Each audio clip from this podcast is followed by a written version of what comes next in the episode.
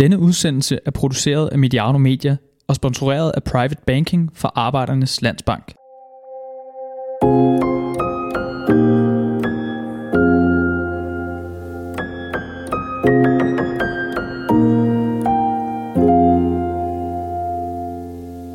Velkommen til Hammer og Brygman. Det er formatet til mandagsdirektøren, hvor Mediano har andre formater til mandagstræneren. Mit navn er Peter Brygman, og i rummet her med mig har jeg Dan Hammer, direktør i Royal Arena. Dan, jeg plejer at præsentere dig med sådan noget med fodbold, og noget med håndbold og divisionsforening, og noget IBM og SAS og Coca-Cola. Vil, vil, vil du ikke selv stå for præsentationen i dag? Uha. Øh, jeg synes egentlig, det er en meget god præsentation, du plejer at køre af. Øh, men, øh, men så er jeg jo en halvgammel fyr på hvad, hvad er blevet 55 år, øh, og har spillet fodbold ude på Amager, stort set øh, så længe mit knæ kunne holde til det. Øh, og så, øh, ja, så kom jeg jo forbi FC København på et eller andet tidspunkt i mit liv, og så blev jeg jo øh, interesseret i fodbold på et lidt andet plan. Selvfølgelig super talentfuld indtil, indtil, øh, indtil mit knæ gik i stykker som yndlingsspiller. Jamen, det kunne være blevet til det vilde, ikke? Det kunne blive det helt vilde. Ja. Det, altså, jeg, jeg, jeg mener helt klart, at jeg kunne etablere mig fast i serie 1. Altså. Det er jo ret vildt, hvad fremad Amager egentlig er gået glip af det her de havde ikke været, hvor de var i dag, hvis, du havde, hvis ikke det knæ var gået i Det er jo sådan med fremad Amager, hvis man er dårlig nok, så kommer fremad Amager som regel ned til en selv. det er altså, de er en del af en rigtig, rigtig spændende første division i øjeblikket, men de er det der midterfelt. Eller hvad siger du? Ah, jo, ja, jo. Jeg tror nok, at øh, Hvis det der, der med at kigge opad, det er jo rigtig pointmæssigt, ser det ikke ud som om, der er ret langt op til den der sådan, øh, tredje plads, men de har fået en rigtig skidt start på foråret, rent pointmæssigt. Jeg tror ikke, vi skal dybt ind i analysen af fremmede Amager ejerforhold og sådan noget. Det er en ret kompleks størrelse. Den lader vi lige ligge i dag. Suk. Den her udsendelse er en opfølgning på en snak, vi lavede den 15. februar om det, vi kaldte den store armlægning i toppen af dansk fodbold. Den udsendelse handlede om FC Midtjylland som udfordreren og FC København som den store forsvarende handkat på savannen. Jeg linker i udsendelsen, øh, eller til udsendelsen i den artikel, der ledsager det her, hvis du vil finde den. den her kom du med nogle generelle betragtninger om forskellen på fodbold øh, sådan, og sport som industri øh, til det mere almindelige erhvervsliv. Jeg ved ikke, om, om den her udsendelse primært er sådan en indføring i fodbold som forretning, eller om det er en anskueliggørelse af forskellen. Hvad siger du egentlig mest? Jeg tror faktisk mest, det er det første. Øhm, og jeg, altså, øh, jeg har jo selvfølgelig været meget optaget af den forretningsmæssige del af fodbold, øh, og har både sådan på teoretisk plan prøvet at læse, hvad jeg kunne omkring det, og så har jeg selvfølgelig snakket med mange af mine kolleger igennem tiden omkring, hvordan de har oplevet det her. Øh, nu skal vi jo bruge næsten en, en fuld kamps spilletid til at komme lidt i dybden med de her elementer, der gør fodbold til en lidt speciel forretningsmæssig foretagelse, og ikke mindst en, en, en speciel ledelsesmæssig udfordring. Øh, men hvis jeg helt indledningsvis skal prøve sådan at illustrere udfordringen, øh, så vil jeg tillade mig at citere en af de bevisligst dygtigste og mest reflekterede erhvervsfolk, jeg nogensinde har mødt. Øh, der ikke har lyst, der ikke har spurgt om lov til at, øh, at bruge ham i den her sammenhæng, så vil jeg lade ham forblive øh, anonym. Øhm, men, øh, øh, men han var på et tidspunkt og i en længere overrække dybt involveret øh, på topplan i en øh, professionel fodboldklub.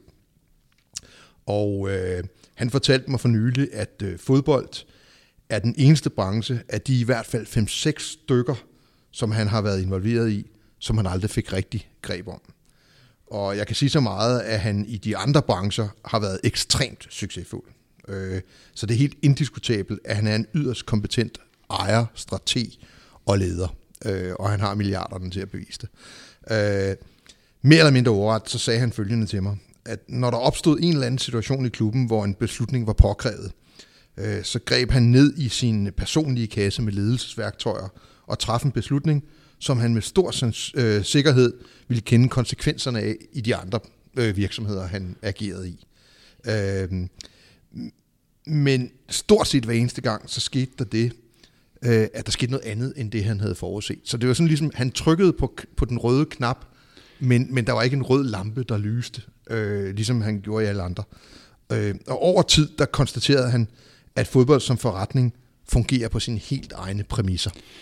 Det er jo præcis den der ting, der har gjort, at så mange bliver draget af den. Og sige, jamen tænk så, hvis jeg kunne tage mine kompetencer med ind i den branche og gøre det i noget, som er så synligt og så øh, spændende. Øh, havde du det, du kom med den her baggrund, nu nævnte jeg IBM, SAS og Coca-Cola. Øh, det var ikke som topleder, men det var som leder og central i nogle af de organisationer. Du havde studeret strategi på ret højt niveau. Havde du det på samme måde, da du kiggede på fodbolden og sige, åh, hvor kunne det være spændende? Altså, jeg havde en rem af huden Øh, der er ingen tvivl om, at, at jeg altid har været optaget af, at det kunne være spændende øh, at drive, være med til at drive en professionel fodboldklub øh, inden for det felt, der jeg nu engang arbejder med, og det var oprindeligt kommunikation, før jeg blev kom- kommersiel. Og jeg var faktisk også øh, meget tidligt involveret i et forsøg på at samle Amagers fodboldklubber i et, øh, i et Amager FC. Øh, så, så det har jo altid ligget Øh, men, men det reelt opstod det faktisk i forbindelse med, at jeg læste en MBA-uddannelse øh, på, øh, på CBS øh, tilbage i slut 90'erne, øh, hvor jeg af lidt andre årsager skulle lave en opgave omkring fodboldøkonomi og sådan noget, mm. øh, med udgangspunkt i, øh, i noget marketing øh, og noget, øh, hvad hedder sådan noget, lifetime customer value. Og øh, i den forbindelse begyndte jeg at interessere mig sådan lidt for, hvad der var skrevet omkring øh, fodboldøkonomi, fodboldledelse øh, og lignende.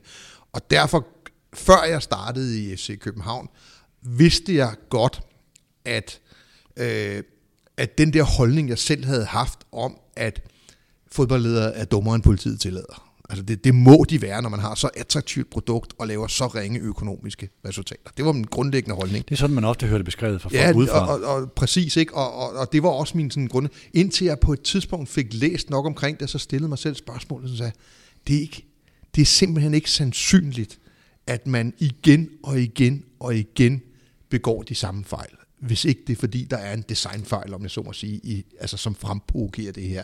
Altså det er ikke sådan, at du bare bliver idiot det øjeblik, du sætter dig i direktørstolen eller i bestyrelsesstolen. Og, og begynder at tage følelsesladede diskussioner. Eller, ja, og eller det, det er jo den nemme forklaring, det er, ja. at man bliver fan, og derfor træffer man. Men, men så er mit spørgsmål jo, jamen det kan godt være, at det er en del af forklaringen, eller det mener jeg er en del af forklaringen.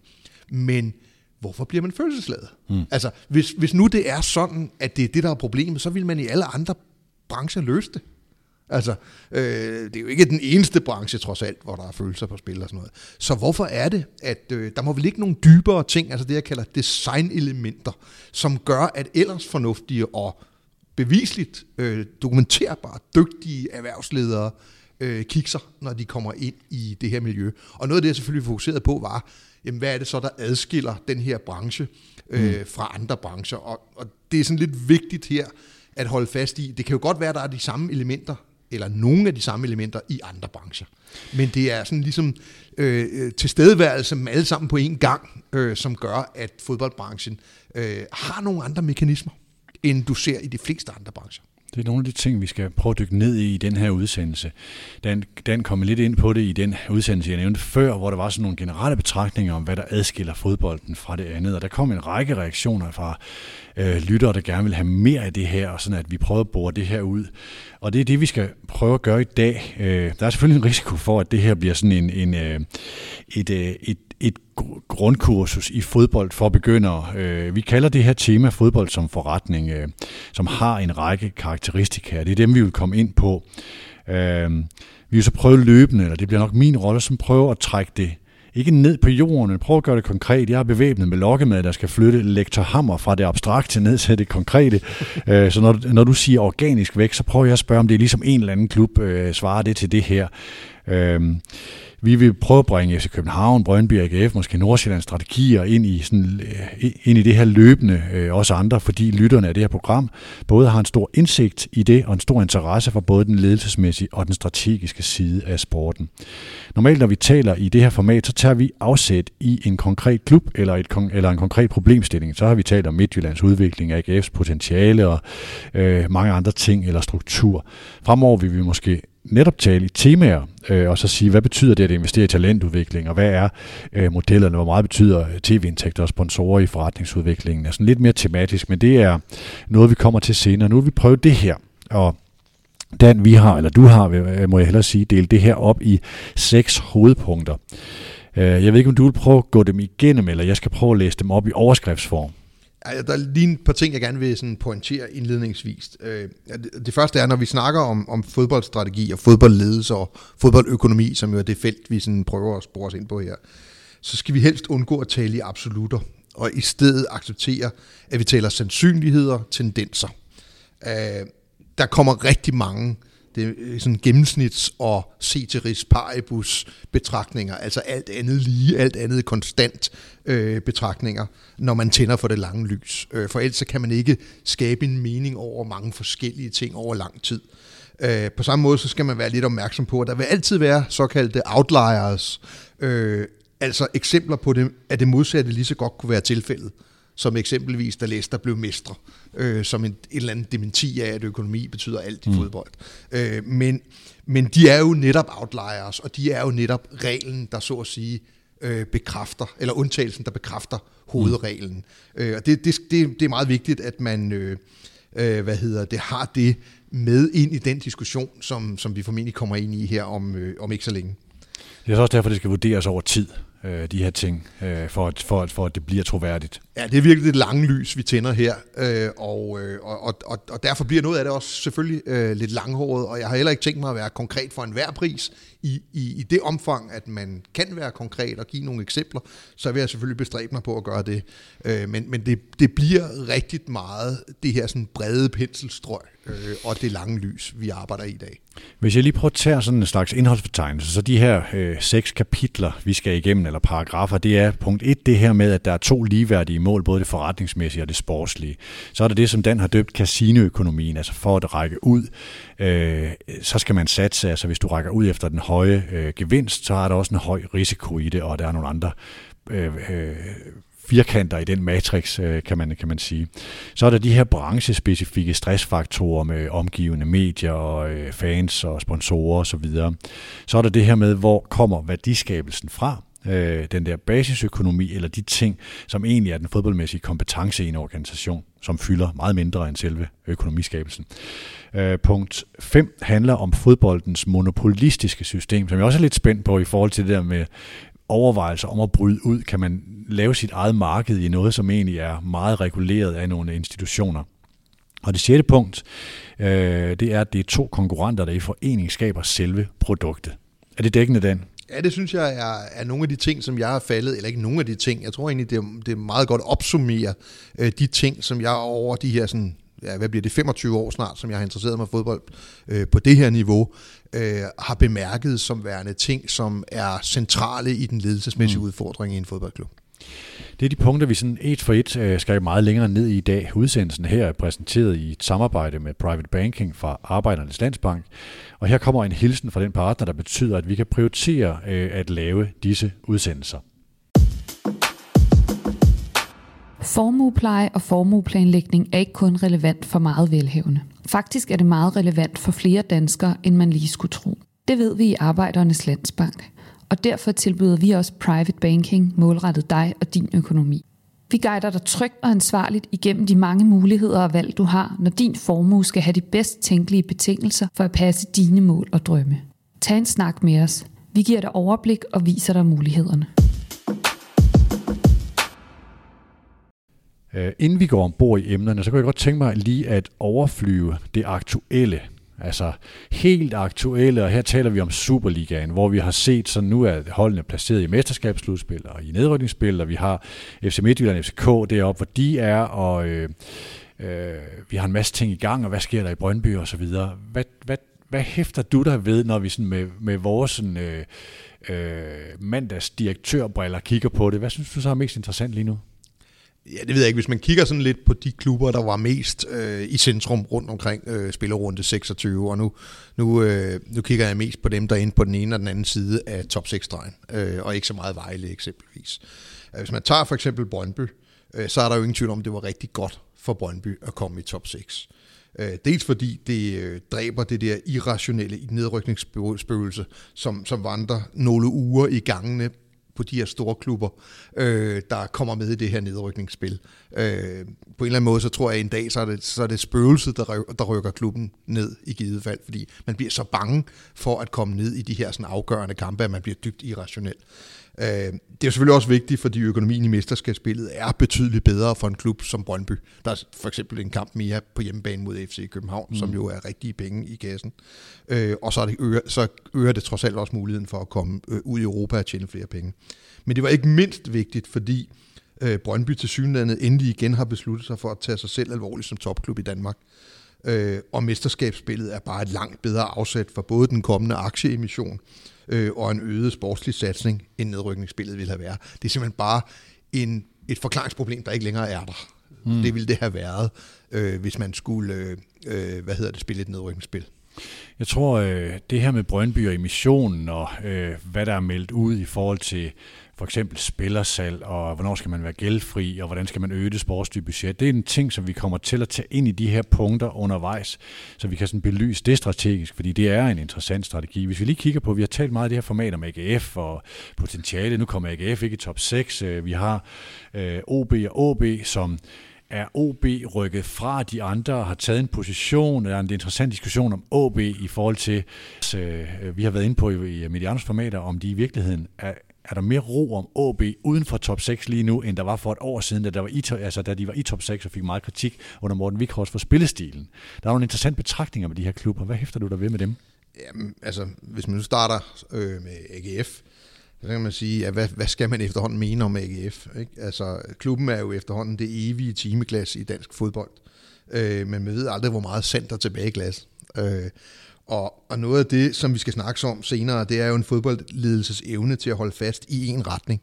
Og det er i sig selv et sundhedstegn, at man i AGF ser ud til at holde fast i både den kommercielle og sportslige ledelse, øh, på trods af en stadig ikke voldsom rentabel drift, øh, og øh, sportslige skuffelser oven på hinanden. Øh, der er naturligvis altid det, jeg vil kalde øh, Titanic-risikoen, øh, at de betroede mænd på broen holder fast i den forkerte kurs for længe.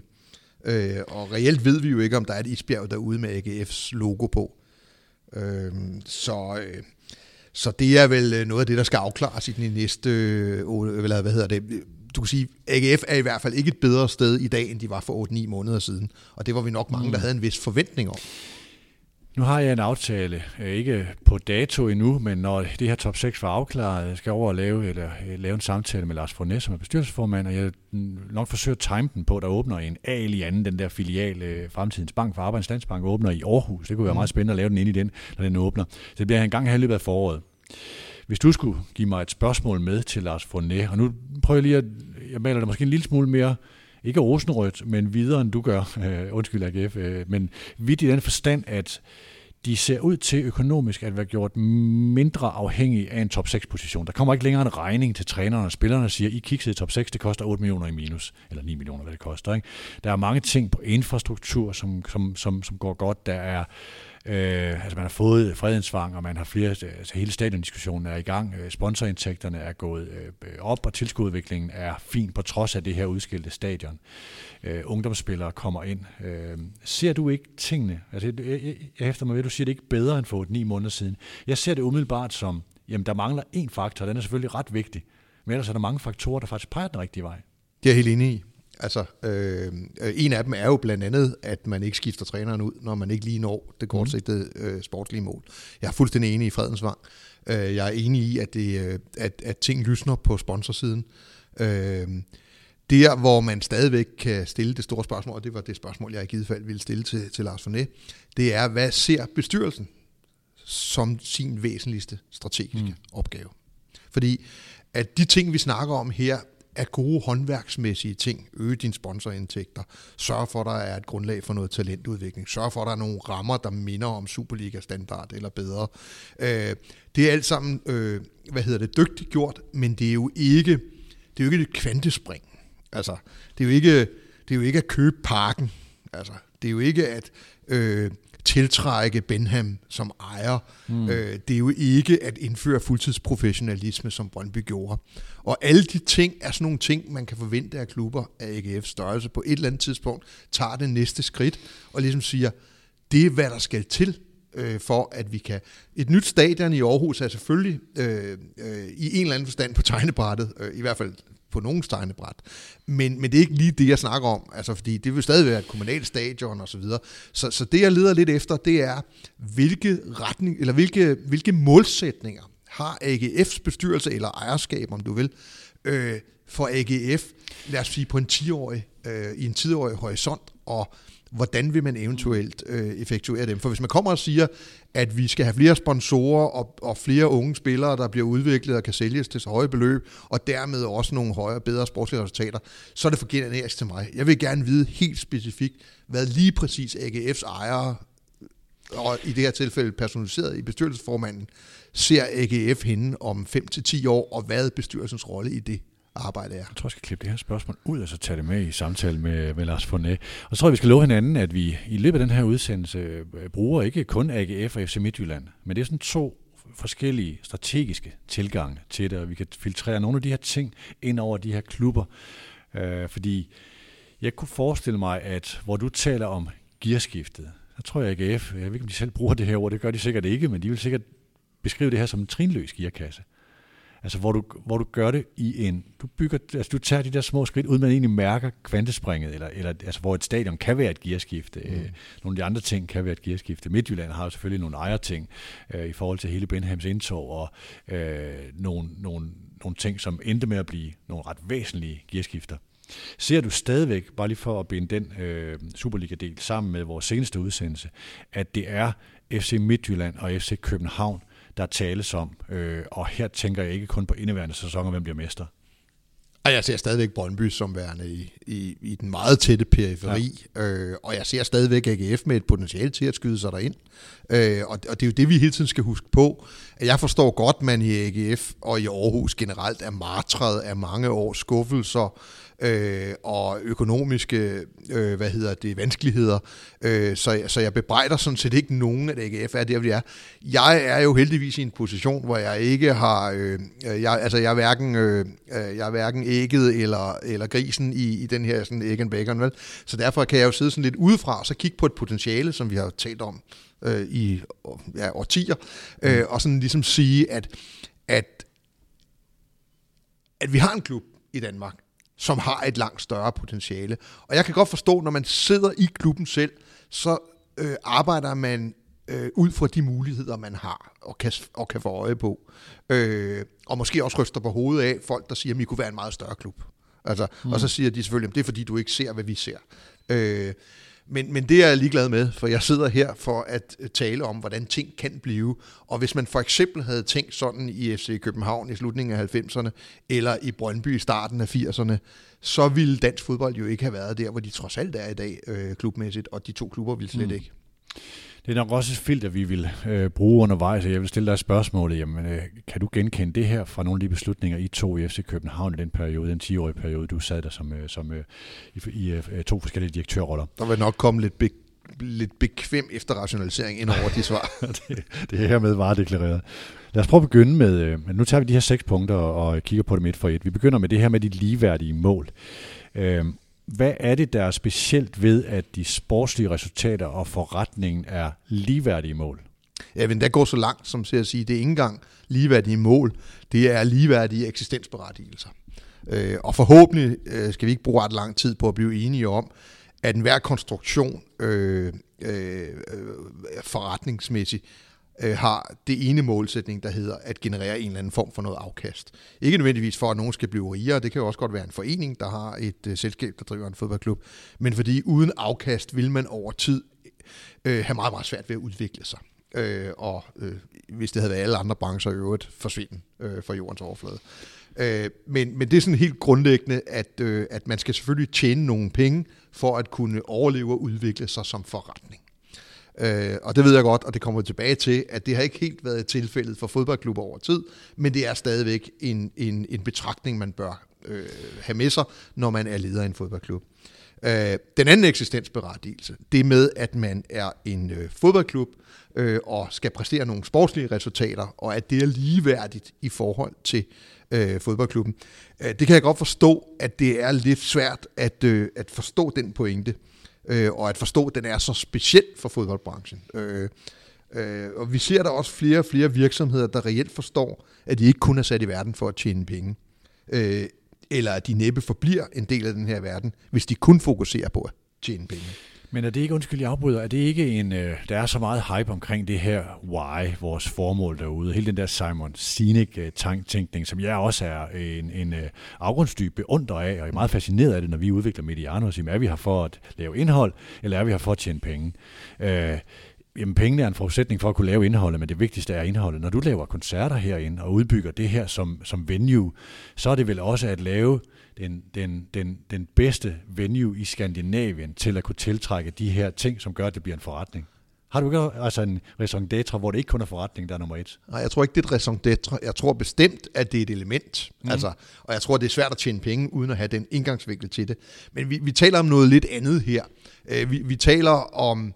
Uh, altså vi taler ikke om, om markedsføringskampagner, om bæredygtighed eller, eller relevans for nogen. Vi taler om de situationer, hvor vi har nogle ganske få, og nu kalder jeg det så virksomheder, øh, som betyder mere for deres kunder. Ikke fordi de definerer det som det. Vi vil alle sammen godt lave gode podcast, eller gode koncerter, eller hvad det nu ellers måtte være.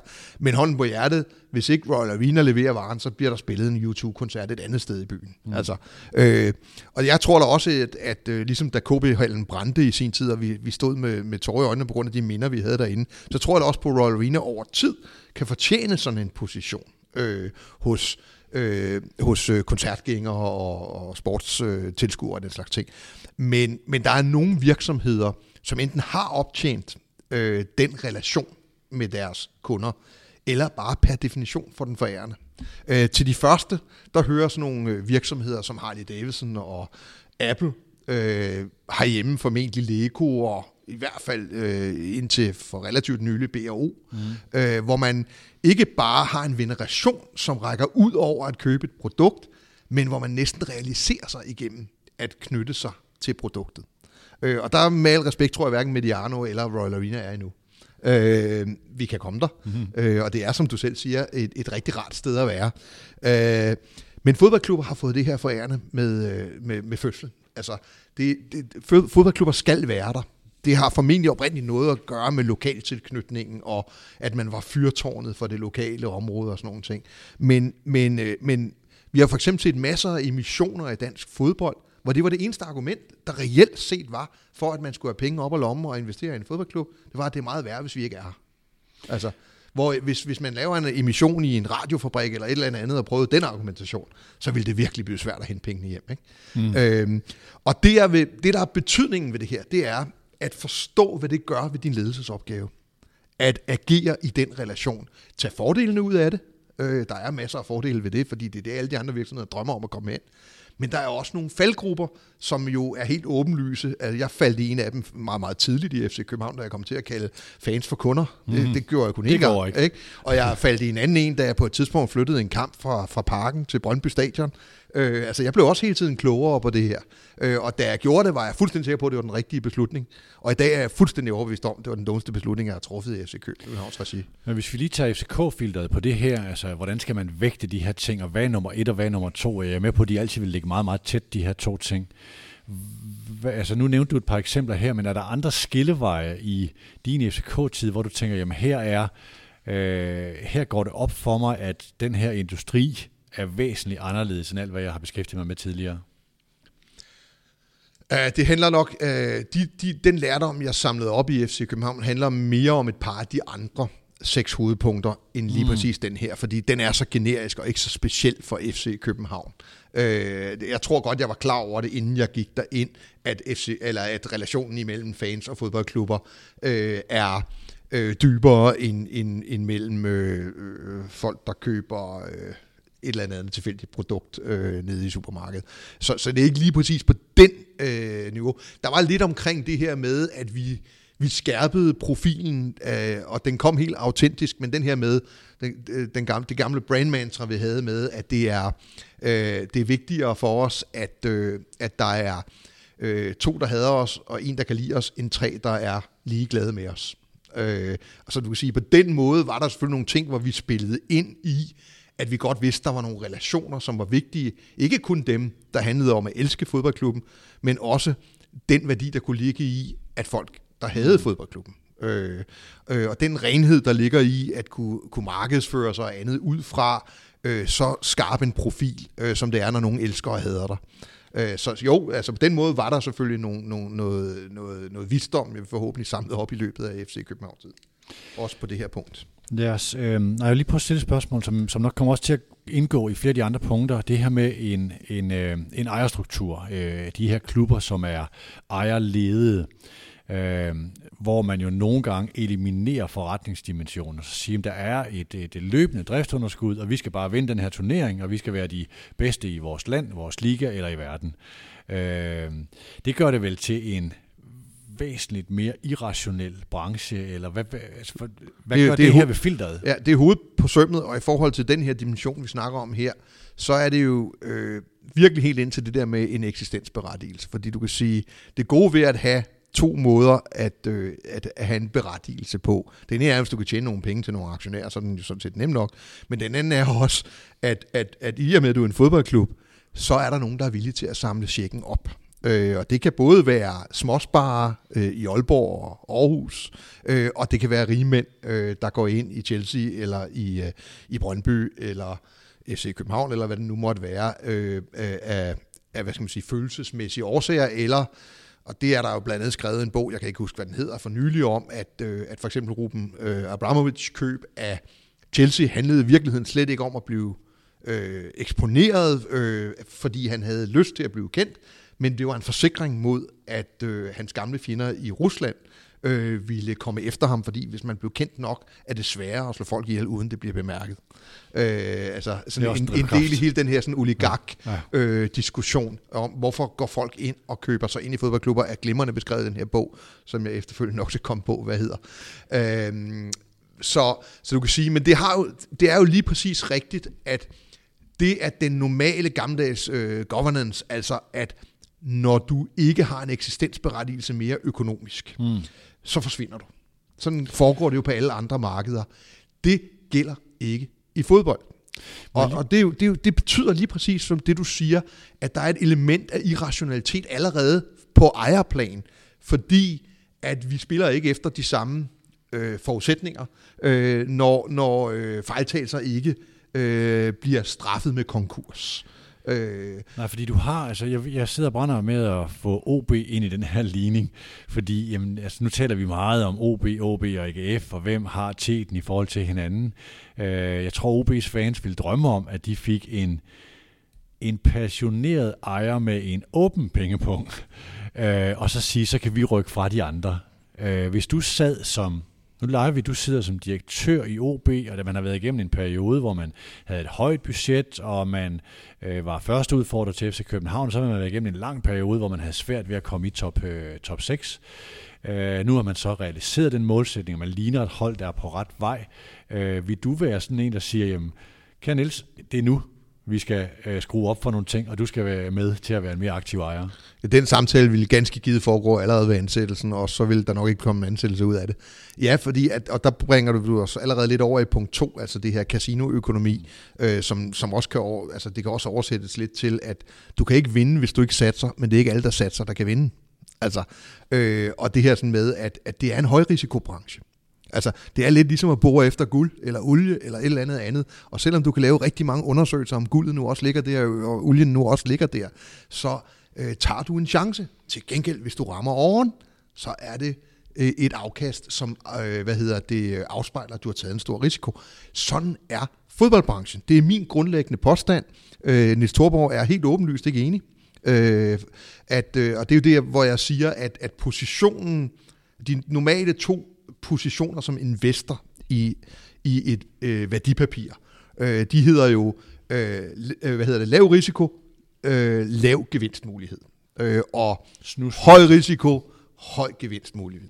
Ikke? De to andre positioner er forskellige årsager ikke rigtigt i spil for alvor. Øh, ikke i legale brancher i hvert fald. Øh, og, og der er det, jeg siger, i fodboldbranchen har det, er det faktisk mere eller mindre blevet bevist, at det, der hedder lav risiko, lav gevinst findes ikke. Det hedder lav risiko, ingen gevinst. Og det er det, jeg, hvor jeg tidligere har sagt, at de klubber, der vælger den model, de er permanent imellem to aktieemissioner. Altså, de mm. vil konstant skulle hente ny kapital. Øh, jo langsommere de brænder pengene af, så at sige, jo længere tid går der selvfølgelig mellem, at de skal komme og bede om penge. Men de har ikke udsigt til for alvor at komme til at tjene penge, hvis de ligger, hvis de ikke anerkender en af de helt grundlæggende forudsætninger for at lykkes i fodbold, nemlig at gode fodboldspillere koster flere penge, men skaber også større økonomisk værdi end dårligere og billigere fodboldspillere. Lad mig lige prøve at smide og det kan godt være, det er lidt uretfærdigt. Nu smider jeg Sønderjyske på banen, ja. og det er ikke fordi, hverken du eller jeg skal, skal bilde nogen af lytterne ind, at vi er eksperter i Sønderjyskes økonomi. Men de er en lægemliggørelse af den her lægge på dimension. Uh, vi udbygger fra øh, 14 millioner til 18 millioner i sportsligt budget, så tager vi det op på nogle af 20 millioner, og så rækker vi ud efter 25 og hvad er næste skridt derude af. Vi bygger, altså du kan næsten se det på stadionet øh, på Sydbank Park, hvordan den er bygget, og tribune på, og flere og flere faciliteter. Det er sådan skridt for skridt, som jeg tror, og har jeg talt med både Claus Rasmussen og Hans Jørgen Heisen derovre, og det er mit indtryk, at de, det er en strategi, er sådan baseret på ikke at tage for stor risiko. Vi tager skridtene i den takt, som Bosen kan holde, om jeg så må sige. Ikke? Men de vil jo sikkert sige, at det er snusfornuftigt, det er ikke ingen gevinst, det er lav risiko og en mulig gevinst, eller måske ikke en særlig stor gevinst, men den er der. Jeg synes, de gør det fremragende. Og jeg synes, meget, jamen, jeg synes det er meget godt, at øh, det er et meget godt eksempel på, at, at vi ikke kan tale om absolutter, og nogle tilfælde heller ikke bare lige kan tage en enkelt eksempel ud, øh, og så sige, jamen, så kan alle gøre det. Øh, der er nogle specifikke forudsætninger omkring sådan en landsdel, hvor, hvor der er rigtig meget kapital i, og nu mener jeg øh, sådan mental kapital, ikke nødvendigvis penge, i at de overhovedet findes i Superligaen. Det er et, et opfyldelse af en målsætning, øh, som der er jo ikke nogen i Haderslev, Åben Rå eller øh, Sønderborg, der drømmer om, at de skal blive mestre til næste år. Altså selv ikke engang, da de var oppe og hente sølvmedaljen. Mm. Det du bare skal huske på, det er, Sønderjyske starter hver sæson med at være i nedrykningsfare. Helt reelt. Altså, så de løber med en meget større risiko. Den er ikke kommet til udbetaling, fordi de har været så dygtige, eller måske fordi deres konkurrenter ikke har været dygtigere end dem. Altså, men øh, de lever jo i en permanent nedrykningsrisiko, og så ser deres forretningsmodel lige pludselig meget mindre attraktiv mm. ud. Øh, så, så du kan sige, øh, selvfølgelig kan du da, øh, hvad skal man sige, svømme i overfladen, øh, Øh, uden at svømme mod målet på et eller andet tidspunkt, øh, eller mod land på et eller andet tidspunkt. Men hvis du bruger alle dine kræfter på at holde dig oven vande, øh, så vil du på et tidspunkt blive så træt, øh, så det ikke lykkes. De har jo så også en, øh, nu vil jeg ikke sige, at jeg beundrer dem, jeg respekterer dem meget, øh, fordi der ligger nogle ting også i deres strategiske arbejde, som at sige, hvem er vi her for, hvor de siger, vi er til for regionen, regionens virksomheder, arbejdspladser, og det, og det er sådan en, jeg kan huske, da jeg så den første gang, tænkte jeg, den, den der sætning vender sjovt, den plejer at vende på en anden måde. Der er det sådan, virksomhederne i regionen er til for os. altså, vi skal have dem som, som øh, sponsorer. De har vendt den om, og har, øh, har nogle ting, som er en, altså giver en, en større grad af bæredygtighed. Men den har selvfølgelig en risiko, du siger, i forhold til, at hvad bliver økonomien, hvis man rykker ud? Ja, altså jeg er 100% enig. Altså, der kan ikke øh, sætte sig finger på det arbejde, der foregår på træningsbanen, eller for den sags skyld i direktionslokalerne, eller på ejerplan i, i Sønderjyske. Det, altså, og der er jo lukrative positioner, også i en ikke særlig attraktiv branche, øh, også sådan økonomisk set. Men hvis du nu havde været privat ejer af Sønderjyske og havde drevet det på præcis samme måde, så er der formentlig andre steder, du kunne have lagt dine penge med et større afkast. Øh, og derfor er det netop hele pointen, at de har den her anden eksistensberettigelse. Altså, at de er til for lokalområdet, øh, og at, øh, at det både giver en eller anden form for et sikkerhedsnet under dem, øh, men, men omvendt ligger det jo også den her begrænsning på, at, øh, at de ikke kan øh, tage alt for store mm. skridt og række ud efter de store penge for alvor. Og når man ikke engang kan tage en anden plads i Superligaen og bruge det til et afsæt til at blive en af topklubberne i Danmark, der øh, ikke er i permanent nedrykningsfare, øh, så siger det vel meget godt, hvor, hvad skal man sige, hvor risikofyldt den model er. Det er bare ikke kommet til udbetaling nu, men sådan Nej. et koncept som Sønderjyskes bliver jo rigtig testet nu om en sæson, eller i den næste sæson, øh, hvor nedrykningsrisikoen jo igen bliver ganske høj, og når vi når hen på den anden side af spillerunde 22, og spillerunde 22 kommer altså hurtigt imod dig, øh, så har du lige pludselig en nedrykningsrisiko på 33 procent. Altså, og så er det sådan nogle koncepter, som Sønderjyske der øh, begynder at blive komme voldsomt under pres. Nu tager jeg lige nogle eksempler, som, øh, som vil udfordre selv nogen med vores alder. Øh, fordi det er nogle ting, der ligger tilbage øh, i, øh, i tiden. Hvis vi nu tager Vejle Boldklub øh, under Mr. VB Ejgil Jensen, øh, og vi er tilbage i 70'erne, hvor øh, Vejle sælger Allan Simonsen, Ulrik Lefebvre, Sten Tykussen og Johnny Hansen osv., så, videre. øh, så kommer der senere alt det her med købmænd og en masse forretningsmæssige ting, som vi også tager ud af ligningen. Jeg siger, hvis nu Vejle i en fase, hvor man bygger de her ting op med en meget stærk kultur, meget stærk tilskueropbakning, bare bygger på og bygger på år efter år og gør tingene rigtigt, øh, vil man så ikke kunne, hvis du fremskriver den, det er, altså, altså, jeg ved godt, det her er en, øh, hvad hedder sådan noget, når du laver en leg, øh, hvor, du, hvor, du, hvor du øh, piller en masse... Øh, Lineær fremskrivning. Ja. ja, og så siger vil man ikke over så lang tid, hvis man har gjort alle tingene rigtigt og ikke falder i de der grøfter, øh, kunne opnå lav risiko, høj gevinst, fordi man opbygger en position over meget lang tid? Øh, det forudsætter to ting. Den ene har du selv været inde på, at man gør alting rigtigt. Mm. Ham har jeg ikke mødt nu. Øh, to, jamen det kommer jo helt an på, hvad de andre gør. Mm. Altså, hvis, øh, altså, hvis Vejle vokser 5%, og nogle andre vokser 15%, så bliver de andre mere konkurrencedygtige end Vejle. Øh, og, og du har jo selv lige været inde på, at nogen kan jo vokse uden at have øh, pengene til det. Altså, øh, der kan være ejere og alt muligt andet, der skyder penge ind, øh, eller man kan have en forretningsmodel som FC København, der gør, at man kan overleve de dårlige år, øh, hvad hedder det, rent økonomisk, de, de sportsligt dårlige år, rent økonomisk. Øh, Øh, så der er jo de her tre grundlæggende metoder til at finansiere din, øh, din, din, din, din virksomhed eller din drift af en fodboldklub. Øh, du kan få det fra driften, altså at selve fodboldklubben genererer overskud nok. Det handler jo om, at du øh, får præmieindtægter, entréindtægter, tv-indtægter og sponsorindtægter nok til, at du kan lægge på, som du siger, år efter år. Det er jo, der er ikke nogen klubber, som måske lige ud over Brøndby tidligt og siden FC København, der for alvor har udmærket sig med at, øh, at lykkes at, at, at øge de grundlæggende indtægter fra, øh, øh, fra at drive en fodboldklub. Og de er jo kun de her 4-5 mm. stykker, du kan tage merchandise oveni, og så, så er du der. Øh, så kan du finansiere det ved, at der er en ejer, der, om jeg så må sige, øh, putter penge i det, og så kan du, øh, ja, det er de tre modeller, ikke? Altså du, øh, du får det for driften, du får det for den måde, du konfigurerer din virksomhed på, øh, som gør, at, øh, at når du har et dårligt sportsligt år, så er der nogle kontorejendomme og måske noget badeland eller noget andet, som sørger for, at dit cashflow er godt nok til, at du ikke bliver insolvent. Øh, eller du kan have nogen, der kommer og samler regningen op, øh, når det går galt. Nu er du lidt inhabil i mit andet eksempel, som er Brøndby, øh, fordi det er, de er jo billedet på, at nogle andre gør noget andet, og det er du nødt til at forholde dig til, fordi du mister den her position i at se, hvem sidder i lokomotivet lige nu. Ikke? Øh, og vi skal nok passe på og vare os på at lave Brøndbys historieskrivning i forhold til Per Bjerregaard og hvornår gjorde man hvad.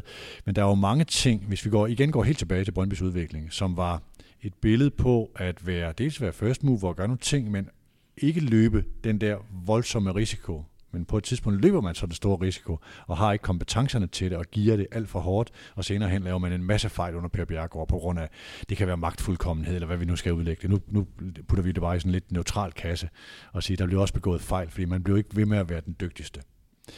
Hvordan ser du igennem det her filter, i forhold til casinoøkonomi og række ud efter den høje gevinst, hvordan ser du Brøndbys udvikling i det der lidt lange bagudrettede perspektiv? Altså, det er jo altid dumt at gøre noget, man ikke kan håndtere. Det gælder i alle livets forhold. Det betyder jo ikke, at man ikke skal gøre noget, man ikke har bevist, man kunne håndtere.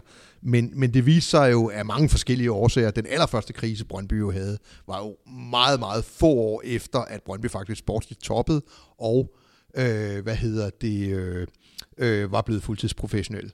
Det var jo Interbank-krisen, som jo reelt set var ved at koste klubben øh, livet, og vel egentlig kun overlevede på grund af noget konvertering af noget gæld fra banker til nogle aktier. Øh, så, så du kan sige, det, altså risiko er jo lige præcis det. Risiko er jo at tage en chance. Og det kan være at tage en chance med at købe en bank, øh, at øh, købe et stadion, øh, nationalstadionet, fordi man synes prisen er god, øh, eller at købe en dyr fodboldspiller, eller satse alt på et akademi. Altså, øh, så, så, så du kan sige, Brøndbys historie som sådan er jo lige præcis rig på, at man har forsøgt at skabe en konkurrencefordel, som de andre ikke kunne matche. Hele FC Københavns grundlæggende forretningsidé øh, hviler jo på det, som Brøndby ikke lykkedes med, nemlig at skabe et andet forretningsområde. Ja, netop. Den er jo inde i punkt 4, som vi kommer til i forhold til den der økonomi. Hvordan kan man... Det var det, Brøndby jo rakte ud efter med den her Silkeborg forsøgte med IT-selskaber. Ja. OB har også prøvet at diversificere rigtig meget. Øhm, men indtil videre er det jo kun for alvor FC København, der har lykkes med at skabe en ny orden i dansk fodbold via de forretningsmæssige tiltag, Selvfølgelig kombineret med, at man gjorde en masse rigtige ting som fodboldklub. Det skal man jo lige huske på. Jeg kunne godt tænke mig at høre igen det her med skillevejen i FC København. Øh, hvor følte du, at I stod ved en skillevej i forhold til den her matrix og sige, jamen, at det her, vi gør nu, det har en høj gevinst, hvis vi lykkes med det, men hvor var det sådan, du tænkte, her er også en høj risiko? Ja, det er det der sådan med efterrationaliseringerne. Ikke? Jeg, ved det, jeg ved det reelt set ikke. Jeg kan huske nogle, øh, altså jeg kan huske, at hele min første tid, jeg blev ansat i efteråret 2000 i, øh, altså lige da Roy Hodgson øh, har spillet tre måneder eller sådan noget, og øh, har første arbejdsdag stort set sammen med Ståle Solbakken og, og Jakob Laversen. Øh, og, og på daværende tidspunkt er det bare et helt andet FC København. Jeg ved godt, unge lyttere, der sidder derude, I kan slet ikke forestille jer, hvad det er, vi snakker om for en klub. Du fulgte dem tæt. Det er jo en helt anden mm. øh, både virksomhed og, og fodboldklub, vi taler om, og det var dog trods alt efter man havde købt parken, og dermed havde signaleret, men også efter man havde ansat øh, Brian Laudrup. Øh, så man havde dog trods alt flekset nogle muskler, men, men stadigvæk, altså Brøndby havde meget større sponsorindtægter, Brøndby spillede fast i Europa, øh, de slog os i øvrigt nede på banen helt kontinuerligt, og, og var mesterskabsfavoritter hvert år. Så de første to-tre år handlede det kun om det. Det handlede om at overtage Brøndbys position, altså at matche dem og komme forbi dem. Øh, og, og, og der sad jeg ikke og tænkte sådan, øh, øh, hvad hedder sådan noget, øh, paradigmeskifter og det ene og det andet. Så sker der jo noget, vi får jo blandt andet nogle indikationer, da vi kommer i Champions League i 2006, hvor pengene begynder at blive så store. Øh, fordi selvom Brøndby tjente mange penge, da de var i Champions League, jeg tror det er 98 eller noget den stil. Jeg kan huske den der sådan, uh, pulje med Bayern München og, og, og Manchester ja. ja. Uh, og tjener selvfølgelig en masse penge, men det er faktisk fortrinsvis på entréindtægter uh, inde i parken. I parken ja. Ja. Uh, så er det jo et helt andet Champions League, vi taler om i 2006 allerede. Og på daværende tidspunkt er der også de første indikationer, som jeg husker det på, at uh, at øh, kvalifikationsreglerne til Champions League måske kunne blive lavet om øh, mm. senere hen. Og du kan sige, det kan godt være, at vi altid latent havde en opfattelse af, at det godt ville kunne betale sig at blive en klub, der også kunne klare sig internationalt økonomisk. Jeg er ikke helt sikker på, at vi kunne bevise det øh, sådan rent økonomisk øh, i de første undskyld, 3-4 år, hvor jeg var derinde. Men det kunne definitivt, du kunne definitivt sætte en business case op, der var realistisk, for at det, man kunne lave en rentabel storklub i et mindre land, den dag UEFA besluttede sig for, at der kom et Champions øh, path i kvalifikationen til Champions League. Der gik man fra, at det var relativt urealistisk. Jeg regnede selv med en, teori, øh, med en, en, øh, en øh, hvad hedder sådan noget, sandsynlighed på en tiende del. Altså når vi blev danske mestre i det gamle system, så vidste vi, at vi med meget stor sandsynlighed skulle slå nummer to i Holland, nummer tre i Italien, nummer fire i England, eller sådan noget stil, for at komme mm. ind i Champions League og få de her sådan, penge ud af det. Sidenhen blev det jo lavet om til, at, øh, at hvis man så ovenikøbet fik en, en relativt høj øh, koefficient, øh, spillede sig til den, så ville man kunne være seedet hele vejen ind i Champions League. Og det er klart, at hvad der kommer først, kan jeg ikke lige huske, men, men det kommer jo relativt øh, tydeligt, øh, det kommer til at stå relativt tydeligt for os, der i øh, slutnullerne, at at der er en forretningsmodel her, der hænger, hænger rigtig godt sammen, fordi der er en relativt stor sandsynlighed for, at man kan blive mestre mm. næsten hvert år, og at man kan tage skridtet videre. Siden er der jo så også blevet bygget det på, at øh, øh, Europa League også er blevet relativt attraktiv. Der er også blevet bygget det på, at kvalifikationsrunderne er blevet en del af Champions League-systemet, øh, og som sådan er der allerede penge at tjene i playoff-runder og før det. Så du kan sige, øh, på et eller andet tidspunkt derhen i, i 6-7 stykker, øh, hvor pengene er kommet fra den første Champions League-kvalifikation, øh, og hvor vi begynder at høre om de her sådan, forandringer i, øh, i, i Champions League-kvalifikationen, der står det i hvert fald for mig ret åbenlyst, at der skal vi satse hele apparatet. Samtidig så begyndte det vel også at se men, ud, som om man havde nogle problemer i Brøndby. Ikke? Men satse hele apparatet. Hvis man lige ser bort fra det sportslige og siger, at Ståle Solbakken den rigtige træner og rekrutterer og de her ting, kan man få tag på et Melodi Grand Prix eller sådan, sådan noget. Er der så, jeg ved godt, der er ikke en interbank størrelsesting i jeres historik, men er der en ting, hvor du siger, her krydsede vi særligt meget fingre, det kunne være etableringen af LaLandia Vest i Bilund og sige, nu bygger vi det her, vi beslutter, vi trykker på den her knap og siger sådan og sådan, eller hvor er det egentlig, du krydser fingrene mest og siger, vi håber, det her går godt? Det, det er faktisk et meget godt spørgsmål, fordi øh, det, det husker jeg faktisk ikke, at vi sad med krydsede fingre. Nu skal man også huske på, at det her falder sammen med en, en bullerende højkonjunktur. Altså mange af de initiativer. Men, men, men man har købt parken. Det var en god investering. Man har lagt tag på parken. Det var en hederlig investering i hvert fald. Øh, man har købt kontortårnene ind i parken. Det er en god investering. Man øh, sælger lige pludselig 25.000 trøjer som fodboldklub. Man har indhentet Brøndby på sponsorsiden. Altså bare for at give jer et, et øh, billede på, hvordan klubben udviklede sig i det år. Da jeg blev ansat i FC København, og det, jeg tror altså ikke, det har ret meget med at gøre, at jeg blev ansat, men der havde man vel en sponsoromsætning i størrelsesorden 32 millioner kroner om året. Øh, og da jeg øh, ufrivilligt forlod parken, øh, og jeg tror igen ikke, det nødvendigvis har noget med mig at gøre, at, øh, at det var derop, men der havde vi jo rundet 100 millioner i sponsorindtægter, så, så samtidig med, at der tv-indtægter og alt muligt andet jo også øh, eksploderet. Mm. Men vi var jo inde i et, øh, i et modus, sådan rent mentalt, hvor vi, hvor vi kunne se, at det betalte sig at tage initiativer. Øh, og altså, der er jo ingen tvivl om, at Fitness.dk ikke har været en god forretning for parken, så det var jo ikke sådan, at man havde guldbukser på. Men lige præcis med Lalandia Bilund, der havde man øh, nogle relativt rationelle grunde til at tro på, at det kunne lade sig gøre, men der var der masser af skepsis. Jeg kan da huske en, en, en øh, aktieanalytiker eller journalist, der skrev, at man kan ikke sælge sommerhus for enden af en landingsbane midt inde med 100 km til kysten. Altså, øh, vi havde et, øh, vi havde et, øh, et, et, et koncept, der virkede nede i Rødby, derfor havde vi god tro på det. Og så var det også bare tilfældigvis sådan, at der var rigtig meget friværdi i de danske boliger rundt omkring, som skulle reinvesteres i koncepter, der kunne generere flere penge for de her familier. Og alt det her kombineret med, at at det så ud som om, at alt, hvad Flemming Østergaard rørte ved, det blev til guld. Øh, det skabte jo øh, Lalandia Bilunds kæmpe store succes, hvor man jo solgte øh, sommerhus for halvanden milliard kroner på to weekender stort set. Ikke? Ja, øh, og det var et dygtigt gennemført koncept, øh, hvor, hvor, hvor især Jørgen Glistrup jo var, øh, var drivende, men, men det var altså ikke, altså det blev jo gennemført med dygtige mennesker, og det var jo ikke sådan, Nå, nu køber vi en... det er sådan, nu er det her på stor afstand, fordi ja. altså, hvor meget kan vi egentlig huske? Altså, jeg, jeg kan huske, en af de ting, jeg blev mærke i, det var sådan, jamen, der var øh, Lars Løkke Rasmussen og Claus Hjort Frederiksen og alle Flemming Østergaards knapper, hvad han overhovedet kunne dreje på i forhold til at iscenesætte det her som skabe en hype omkring det. At det var i virkeligheden, altså når jeg sådan tænker tilbage på det, så tænker jeg, der, der må der have været en, kan vide om det her går godt, altså kvæg, hvad der blev skrevet om det. Ja, øh, det har altså det kan da godt være sådan, men, men jeg kan sige sådan, at vi, vi lavede sådan en sweepstake øh, på aftenen, hvor vi skulle ud og sælge de her sådan, øh, første 500 boliger, startede vi jo med at sætte til salg. Ikke? Og, øh, og så skulle vi alle sammen skrive ned på et lille stykke papir, hvor mange var solgt søndag aften. Øh, og jeg tror, jeg skrev øh, 300 eller sådan noget den stil. Og, og det ville være en succes ud fra vores øh, nøgletal og sådan noget. Og så var der selvfølgelig en, der, der bare havde skrevet dem alle sammen. Ikke engang et tal, men dem alle sammen. Det var selvfølgelig Flemming. Og det siger, det siger jo noget om, at, at, at den tillid, der var til, vi, vi, vi, vi er dygtige forretningsfolk, vi har undersøgt det her ordentligt, øh, og, og, og i øvrigt er tiderne til, at penge skal arbejde.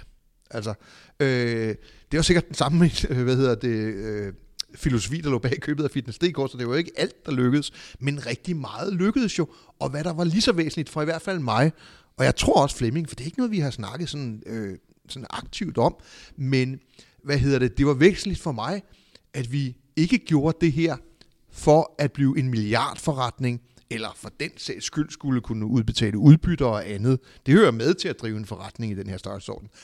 Men det jeg oplevede, der var drivmidlet for Flemming og mig i hvert fald, og helt givet også Niels Christian, men det er som nok mere logisk, øh, det var jo, at det her styrker fodboldklubben. Mm. Det vi vil med den her Bix helt tilbage fra dengang Flemming købte, eller hvad hedder det, øh, man under Flemming købte parken, øh, det var jo, vi skal skabe en international fodboldklub i København. Øh, det kræver forretningsmæssig udvikling.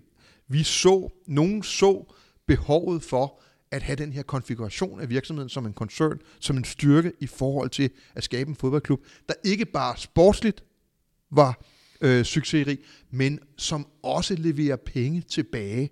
Altså, de gode år bliver så gode økonomisk, at de rigeligt betaler for de dårlige år.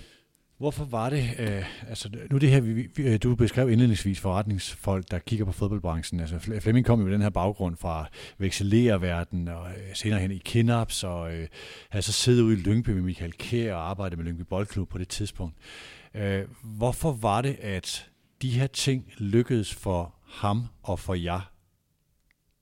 Hvor meget var virkelig dygtige beslutninger, og hvor meget var timing og en, en lille smule stolpe ind?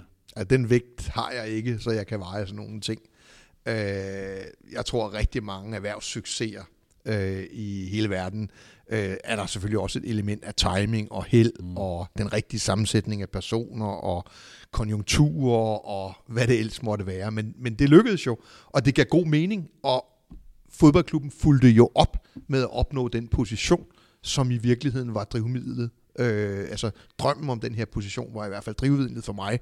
Øh, hver eneste gode kommercielle beslutning, jeg tog, glædede mig ikke bare som forretningsmand, men fordi jeg kunne se, wow, siden jeg har været knægt, har jeg drømt om at være en del af en dansk klub, der spillede med de store internationalt. Ikke?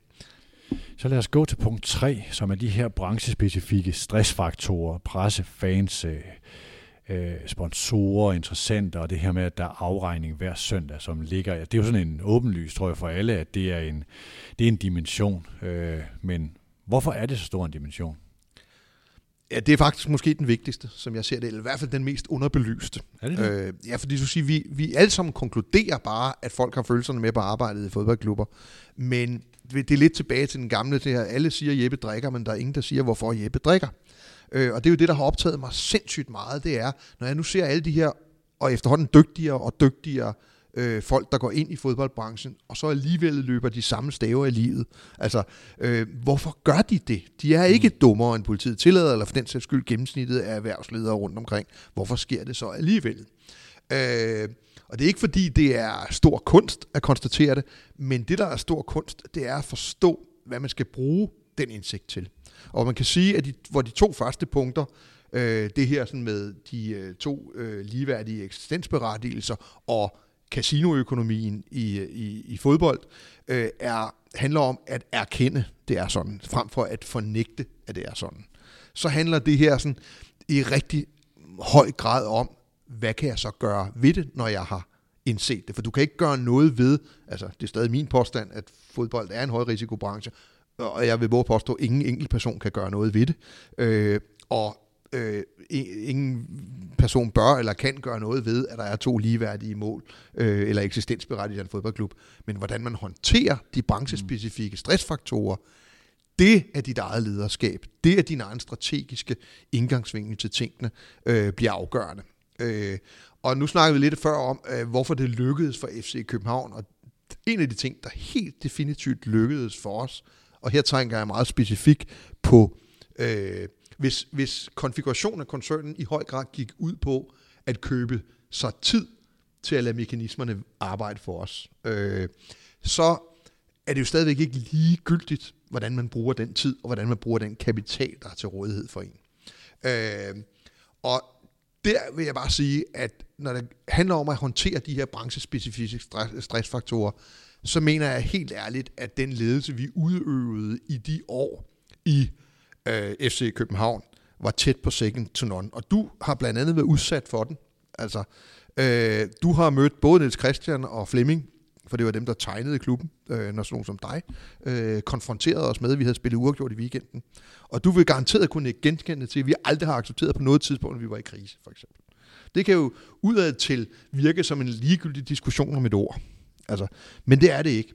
Fordi, og nu bliver det en lille smule teoretisk, og det havde været nemmere med en eller anden whiteboard her, øh, men, mm. men hvis, man, hvis man sådan ligesom forestiller sig, at der er en kurve, som, som øh, blandt andet nogle øh, professorer har kaldt time to crisis curve.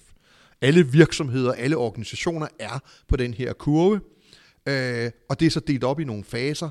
Øh, der er det, man kalder en anti, anticipatory fase indledningsvis. Det er, når de centrale mål, de går den rigtige vej. Øh, så krisen er et eller andet, du må forvente, men der er ikke nogen som helst tegn på, at du er på vej den vej. Så er der en, øh, så er der en reaktionsfase. Det er, når de, lad os bare tage et andet virksomhed, lad os tage et øh, medicinalfirma. Det er for eksempel, når dine patenter er ved at udløbe. Altså, mm. øh, så kan du godt se, okay, vi tjener stadigvæk penge, men på onsdag kan de alle sammen begynde at lave kopimedicin. Så vil vi nok komme til at tjene færre penge. Altså, så der er du inde i en reaktionsfase i en eller anden forstand. Og så er der øh, krisefasen, SAS øh, imellem jul og nytår, jeg kan ikke lige huske hver år, øh, for en 3-4 år siden, øh, Fred Sjur stiller sig op på en papkasse og siger, enten så er det den her aftale, og så lukker vi. Altså, for eksempel kommunikation bliver meget nemmere, når man forstår, hvor på kurven er din virksomhed. For der er ting, du kan gøre, øh, når, du, når du kan stille dig op på ølkassen, og som ville være helt håbløst at gøre, hvis du var henne i den første fase. Øh, og det, der er min påstand, det er, når du har plottet din virksomhed ind ud fra nogle relativt objektive mål, eller objektive, øh, øh, hvad hedder sådan noget, øh, objectives, altså øh, det kunne være markedsandel, det kunne være patentudløb, øh, det kan være hvad som helst, som, men de skal være centrale for virksomhedens sundhedstilstand.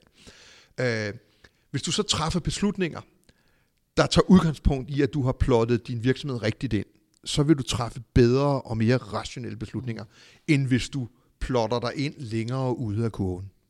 Altså, øh, hvis du oplever, at du er i en krise, og tror, du kan stille dig op på en ølkasse og bare fortælle folk, hvis I ikke skriver under her, så lukker virksomheden. Hvis det ikke er rigtigt. Altså, mm. så, går det, så går det jo helt galt. Og det, der sker i fodboldbranchen, på grund af de her branchespecifikke øh, øh, hvad hedder det, stressfaktorer, det er alle, inklusive folk inde i klubben, de fortæller dig, at du er længere ud af kurven, end du reelt set er. Så når man sidder i Aalborg og i Aarhus og er ved at skide grønne grise før 26. spillerunde, fordi uha, nu kan vi jo rykke ned. Altså, så placerer man sig selv meget længere ud af stresskurven, eller øh, krisekurven, end man jo reelt set er på daværende tidspunkt. Mm. Øh, I det her tilfælde er det ikke sikkert, at det får så stor en betydning, men på nogle områder, så er det at placere dig selv længere ud af krisekurven, end du reelt set er, det er lige med det, man sådan teoretisk set kan kalde kost. Altså, du træffer mindre end optimale beslutninger. Det betyder i økonomisk forstand, at du typisk øh, træffer dårligt økonomiske beslutninger. Det betyder på på fodboldsprog, at du fyrer træneren, for eksempel, hvor det ikke var nødvendigt. I gamle dage, der købte man en center forward, for der var ikke transfervinduer. Så købte man en afdanket center forward for at vise fans, at man i hvert fald gjorde noget. Men kan man være proaktiv her? Altså, jeg tænker på... Øh Brøndbys øh, øh strategi 6,4 er 8-årig, og den, da den blev skrevet, var det i en ånd, hvor fansene, en del af fansene, øh, måske meget omkring øh, det derværende Brøndby Supporters Trust og det der miljø, bad ledelsen om ikke at melde et mesterskab ud. Det er rigtig godt set. Det var rigtig godt set af Brøndby dengang, øh, at de, øh, de tog simpelthen, de samlede al den værdi, der ligger op i, at man kan tillade sig at placere sig øh, tidligt i krisekurven, uden nogen prøver at skubbe dig længere mm. frem. Øh, og det, jeg har jo altid sagt om strategi 6.4, den findes ikke i virkeligheden. Altså, det her, det handler om at købe sig tid, uden det bliver for dyrt, til at træffe de rigtige beslutninger. Jeg synes også, det er noget af det, vi sådan ser nogle indikationer på nu. Selvfølgelig skal Brøndby være topklub i Danmark. Altså at sidde og sige, at man skal bruge det halve af FC i København, giver ingen mening. Men det gav mening på det her tidspunkt, fordi der var en accept af det, og dermed blev man placeret længere tilbage på krigskåren. Og det, det er jo, hvis man lige skulle tage fat i, hvad er det så for nogle branchespecifikke faktorer, vi snakker om, øh, så er det ikke så indviklet endda. Øh, det er jo selvfølgelig øh, dels det, at fodbold har den eksponering, som den har. Altså, FC København er ikke, ikke en af landets 10 største virksomheder, men det er definitivt en af de 10 mest omtalte virksomheder. Mm. Øh, og, og det skaber bare noget, en helt anden transparens, eller en helt anden pres på enhver ledelse. Så er der øh, det faktum, som vi har været inde på lidt før, at dine kunder er fans. De føler, og helt med rette, et langt større øh, engagement i, i din i gåsøjne, virksomhed og i dine beslutninger, end nogen som helst andre gør. Øh, de er der også, fordi de er passionerede. Det vil sige, de, de er ikke dem, der vil starte med at være tilbagelænet og ligesom sige, medmindre man ligesom Brøndby har været nede og kysse kisten, altså, så vil de normalt have en tendens til øh, sådan at råbe fyretræneren sådan tre kampe inde i sæsonen, ikke, hvis du havde forventet at vinde guld. Så har du, så har du sådan nogle som, som dine kolleger, altså pressen, mm. øh, men, men lige så meget og lige så vigtigt, så har du jo også den her afregning hver søndag, og en tabel. Altså, mm. du har simpelthen en tabel, så, så du, det er jo fuldstændig legitimt at sige, du gør det ikke godt nok, du ligger nummer 8. Altså, sådan har jeg aldrig oplevet det i IBM eller SAS eller nogen andre, der sådan nogen kom, nogen hver mandag, og så ligesom sagde, og så kunne jeg jo sige, at hvis vi nu vinder, så ligger vi jo nummer 4. Altså, Må jeg lige prøve at tage et tank, tankeeksperiment? Altså hvis nu, øh, altså siger vi optager her øh, fredag eftermiddag, og Brøndby spiller i aften mod OB, og jeg sad lige og tjekkede min telefon for at sige, hvor der er udnævnt en ny Brøndby-træner og sådan noget. Hvis vi nu antager, at øh, Jan Bæk Andersen og øh, hvad skal man sige, klubbens ledelse ansætter en træner og siger, nu skal vi tilbage til at være øh, dansk og skandinavisk, og vi skal virkelig genetablere os selv gennem masterclasser. Det kommer til at tage tid. Øh, den øh, sportsdirektør og trænerkonstellation, der er der, har til opgave at opbygge det her over tid.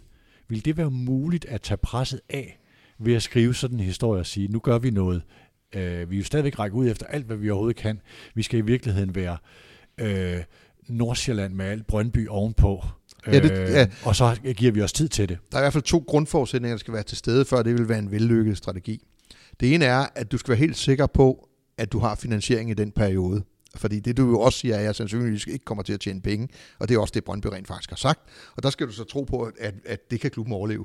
Øh, og det bliver jo lidt mere troværdigt, når det har med pengene, der trods alt siger det. Mm. Øh, så det er den ene forudsætning. Den anden forudsætning er, at det kommer helt an på, hvor autentisk den beretning er. Altså, øh, og hvor klubben er henne på nuværende tidspunkt. At sige det samme i dag i FC København vil ikke give den store mening. Vi sælger næste fire mesterskaber for at blive rigtig gode om otte år.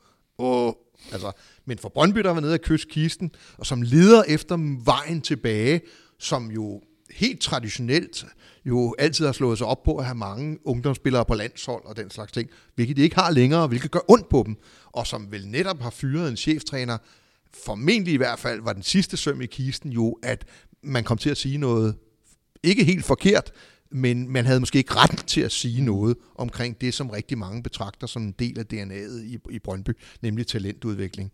Øh, så i Brøndbys tilfælde, ja, øh, der synes jeg, det ville være et troværdigt øh, budskab at komme med, øh, ikke mindst fordi man også siger, i modsætning til 6-4, at for enden af tunnelen, der er en topplacering. Mm. Det er det, vi går efter. Vi vil så tæt som muligt på FC København.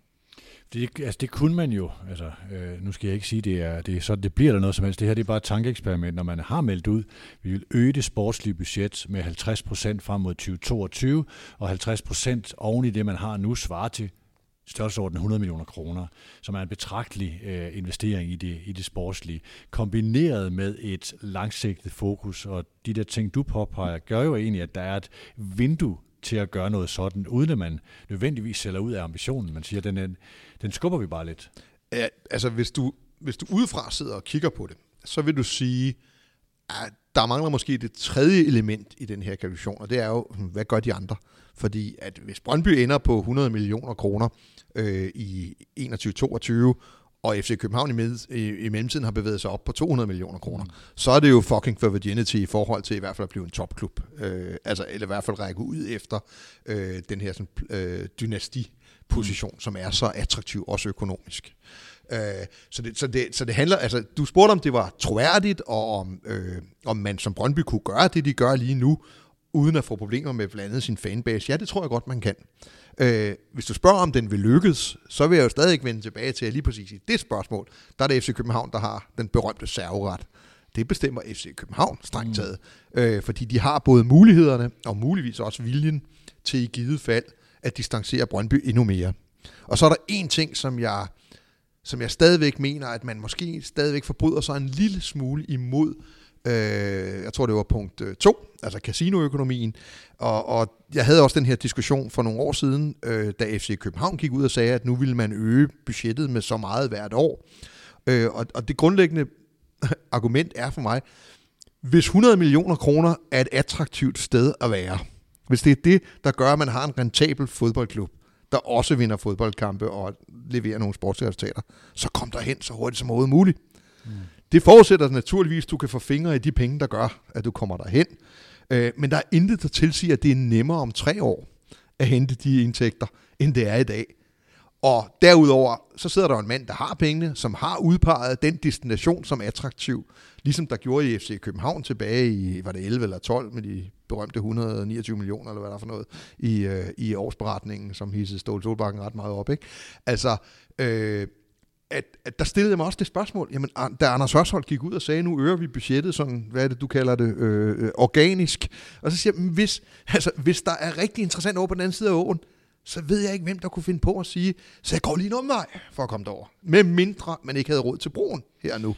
Det var den her side i årsregnskabet, hvor jeg tror, der stod, der investeret 129 millioner i, øh, i nye spillere, og øh, det, jeg tror, det var på et tidspunkt, hvor øh, det sportslige budget var drejet ned på det laveste punkt, det har været nærmest i Ståle Solbakkens tid, nemlig 91 millioner. Øh, det må ikke hænge mig op på tallene, men det er de størrelsordner, vi taler om. Der var en, jeg tror, der var en lille, et lille forskelligt syn på at sige, hvor meget der egentlig blev drejet på de forskellige haner der.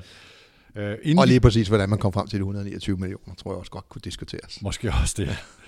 Inden vi går til punkt 4, vil jeg gerne lige en tur forbi vores partner Arbejdernes Landsbank, og i det her regi et fokus på private banking, som lyder som sådan noget rimands formuepleje, men i det her regi faktisk handler om nogle andre beløb fra vist nok 2,5 millioner i vurderet formue, øh, som det hedder, når man skal være kunde i sådan noget, og op efter. Private banking fra Arbejdernes Landsbank er mere og andet end bare investering. Det er først og fremmest formueplanlægning, der giver dig overblik. Du bruger for eksempel en stor del af dit liv på at opbygge en formue. Men har du også en god plan for, hvordan du klogest bruger den igen? At planlægge sin gæld er faktisk lige så vigtigt som at planlægge sine investeringer. Private Banking fra Arbejdernes Landsbank. Vi giver dig overblik og viser dig mulighederne. Inden vi kommer til punkt 4 om øh, værdiskabelsen, så er der lige en bemærkning, der hang på træerne. Ja, altså at konstatere, at, at branchen øh, har de her sådan stressfaktorer, er jo kun første skridt. Det næste er jo så, øh, hvad gør man så ved det? Øh, og det er der, hvor man i princippet køber sig tid til at træffe rationelle beslutninger.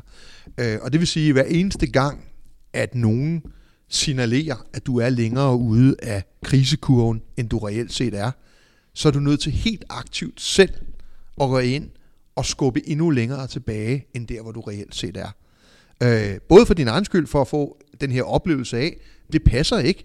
Jeg har 27 point, og dem, der ligger til nedrykning, har 13, eller hvad det nu måtte være. Så, så selvom jeg taber på søndag, og skal ud og spille nedrykningsspil, så er jeg ikke i nedrykningsfar. Jeg skal bare være mm. rolig nu, signalere ro rundt omkring. Øh, så, så det er sindssygt vigtigt, og kunsten i fodboldledelse, udover at skaffe penge til at skabe og købe nogle gode fodboldspillere, og, og, og så sørge for, at de penge bliver brugt fornuftigt, at ansætte nogle dygtige trænere og ledere, hvad det måtte være en sportlig sektion, så handler det sindssygt meget om at holde båden i ro. Altså, Ser du et forbillede på det her? Altså er der nogen, der er særligt dygtige til det her? Jeg ved godt, der er nogle faktorer, som hvor stor en kapital har Ståle Solbakken opbygget, hvor stor en kapital har Kasper Julemand opbygget, i, før han stoppede i Nordsjælland. Det var nogen, hvor båden kunne rokke ret meget, men de havde så meget tillidskapital. Men ser du nogen i ledelsen, der er sådan, ja. øh, i landskabet, der forbilleder? Sådan en ro kan kun skabes helt opfra. Altså den, der har øh, hvad hedder det, skæbtøjet i hånden, øh, den, der kan trække i snoren for cheftræneren eller sportsdirektøren eller hvem det nu måtte være. Altså, den kan kun komme fra magtens centrum, for ellers virker den ikke. Det nytter ikke noget, at David Nielsen står og siger, at jeg er ikke fyringstroet. Det, det, det kan han af god Det bestemmer han ikke. Og vi er nok også en lille smule i tvivl om, om, om det er PC, der tager den beslutning øh, derovre. Øh, så du kan sige, at øh, ja, mit forbillede for det her, det har helt definitivt været Flemming Østergaard. Altså, mm. øh, som jo var næsten galvaniseret i forhold til at acceptere, at nogle andre skulle fortælle, hvor FC København befinder sig på nogen som helst krisekurve. Og det er helt ned i det, jeg vil næsten sige, en lille smule morsomme. Altså, vi ryger ud af Champions League, øh, bliver konfronteret med, at, og det er ikke her sidste gang, det er en af de tidligere gange, øh, øh, hvor det slet ikke var så skæbnesvangert for, for virksomheden og andet, men der kom I jo med pindene og uha, og nu skal I. Og så siger Flemming, altså vi er i slutningen af august måned, ikke? og folk siger, nå, hvad nu med økonomien? Og dengang budgetteret, eller øh, dengang vores forventninger til fondsbørsen udtrykte ikke, at vi forventede at komme til Champions League. Men alligevel skal der jo manes et eller andet op sådan sidst på aftenen, når man skal stadigvæk have afleveret de sidste spalter, som det jo var dengang. Så man stiller selvfølgelig spørgsmålet, uha, det er jo også en stor økonomisk bed for selskabet og alt muligt andet, og hvordan vil I nu komme til at tjene de penge, og kommer der en nedjustering i morgen for eksempel? Ikke? Mm. Øh, hvor efter Flemming så typisk kunne finde på at sige, nej, nej, vi arrangerer bare to koncerter. Altså, FC København arrangerer ikke koncerter, og den 29. august kan du ikke nå at få flere koncerter i det år. Altså, men når ja, det var et eksempel på, hey, vi er da ikke i panik. Vi har masser af andre muligheder. Altså, øh, og, og øh, det kan godt lyde en lille smule, skal vi kalde det tyndbenet, at, at det er så sindssygt vigtigt. Men enhver, der har arbejdet inde i maskinrummet i en fodboldklub, vil vide, hvor vigtigt det er, at du kan ligesom tegne sådan nogle cirkler, omkring, hvad skaber resultater i en fodboldklub. Allerenderst er dem, der spiller, de 11 mand, der spiller på søndag, mm. og reserverne. Så er der trænerteamet, så er der staben rundt omkring i øvrigt, så er der også der skal skaffe pengene til dem, og så er der dem, der skal holde alle jer andre væk. Altså, sådan så de andre, de kan få det til at fungere øh, inde i midtercirklen, inde i, inde i den inderste mm. cirkel. Mm. Og hvis der var noget, som både Niels Christian Holmstrøm og Flemming Østergaard var i en særklasse på det her tidspunkt i dansk fodbold med, så var det, at fortælle folk, vi er ikke der på krisekuren, hvor fans, øh, nogle gange trænere. Øh, altså det, det her sniger sig jo ind i en trup. Altså, når man ikke kan få ting til at virke, bliver man jo i tvivl om, man er dygtig. Altså, øh, jeg har jo siddet med, med, med trænere, som, som fordi venstre, reserven til venstre bak blev skadet, og man skulle møde dem, der lå nummer sidst, slet ikke kunne forestille sig, at man kunne vinde. Altså, øh, og den slags ting, og det er den sidste spre, øh, hvad hedder det, branchespecifikke stressfaktor, der er, det er, at der er rigtig mange fodboldmennesker i fodbold. Øh, og det vil sige, det er folk, der lever i den der, vi står til, vi, vi står til regnskab på søndag. Og det, Som... så der er enormt meget adrenalin øh, kørende mm. i forvejen. Øh, det er tidligere spillere, der tit har ledelsesfunktioner.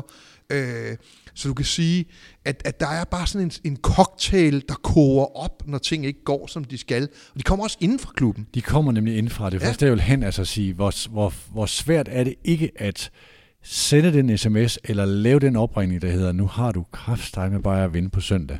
Og det er ting, som jeg også ved er foregået i FC København. Mm-hmm. Altså efter og, din tid. Øh, efter min tid eller før min tid? Efter din tid. Okay.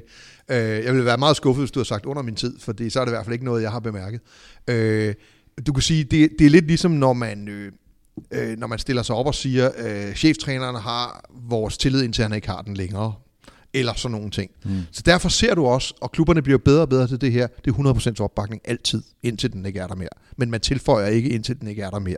Man bakker 100% op, på vej ind i det bestyrelseslokale, hvor man har tænkt sig at foreslå, at han skal fyres.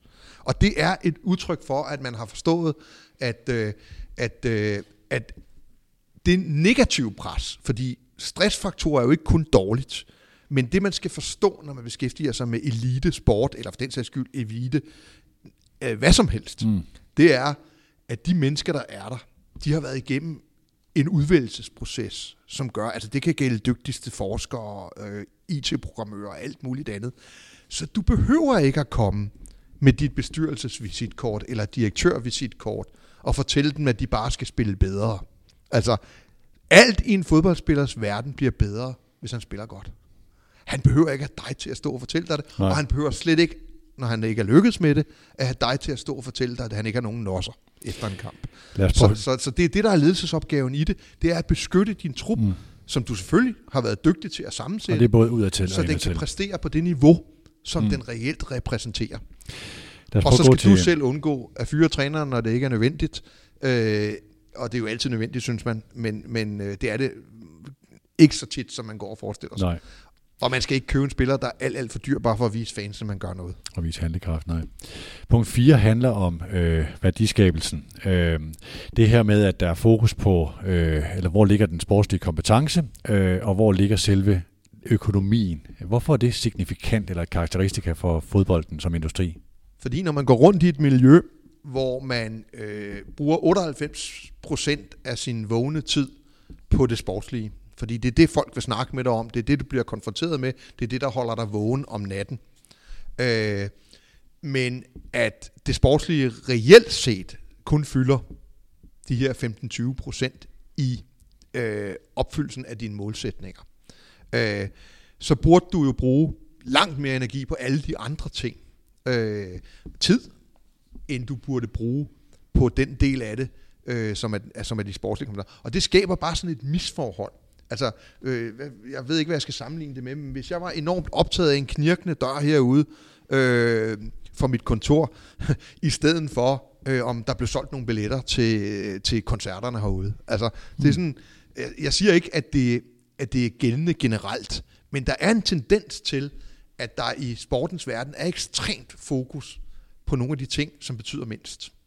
Øh, og det er specifikt for fodboldbranchen. Altså, øh, inde, hos, øh, inde hos Mærsk, øh, der diskuterer de fragtrater. Øh, de diskuterer ikke, øh, det ved jeg ikke, øh, vandstanden i, på Fejø eller sådan noget. Vel? Altså, øh, det, det, det, det, det er det vigtigt, at en virksomhed øh, på den måde er fokuseret på de ting, der har den største betydning. Ja, de store hjul i organisationen. Præcis, ikke?